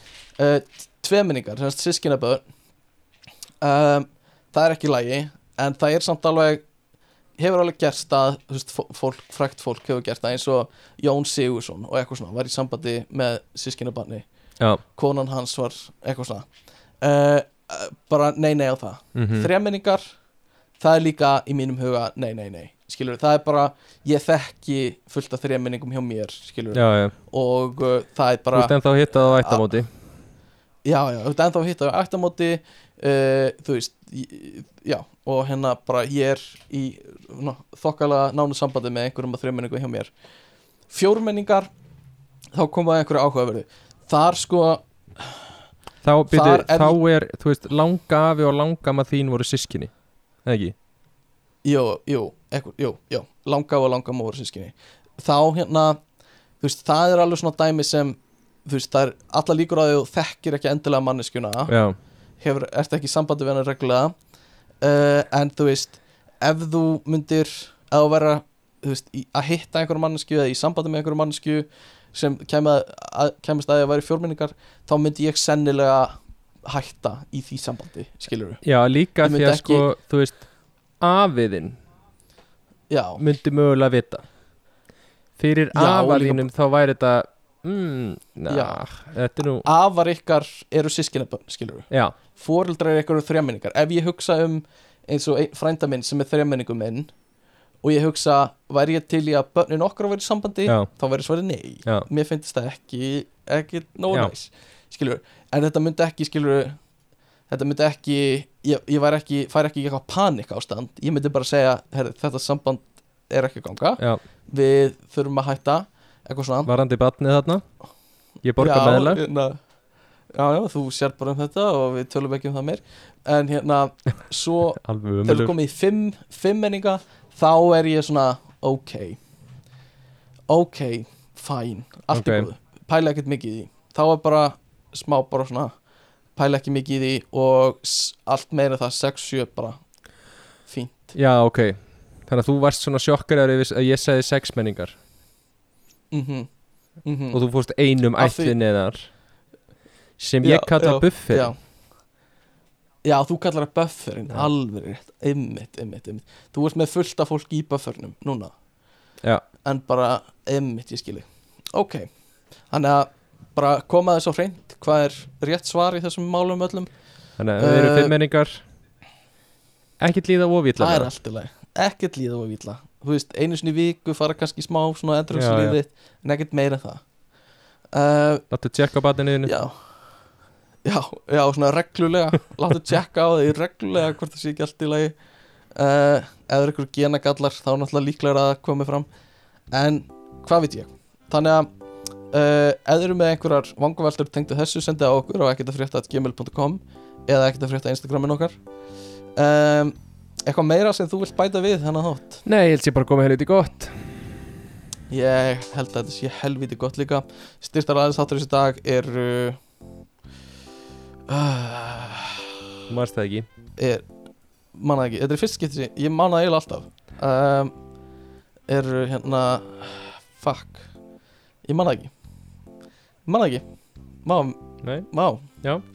allt er góð það verður Uh, ekki milliferð þi- á okkur eftir þennan þátt. Nei fucking um, En ég get sett þér hvað það var. Hvað var það?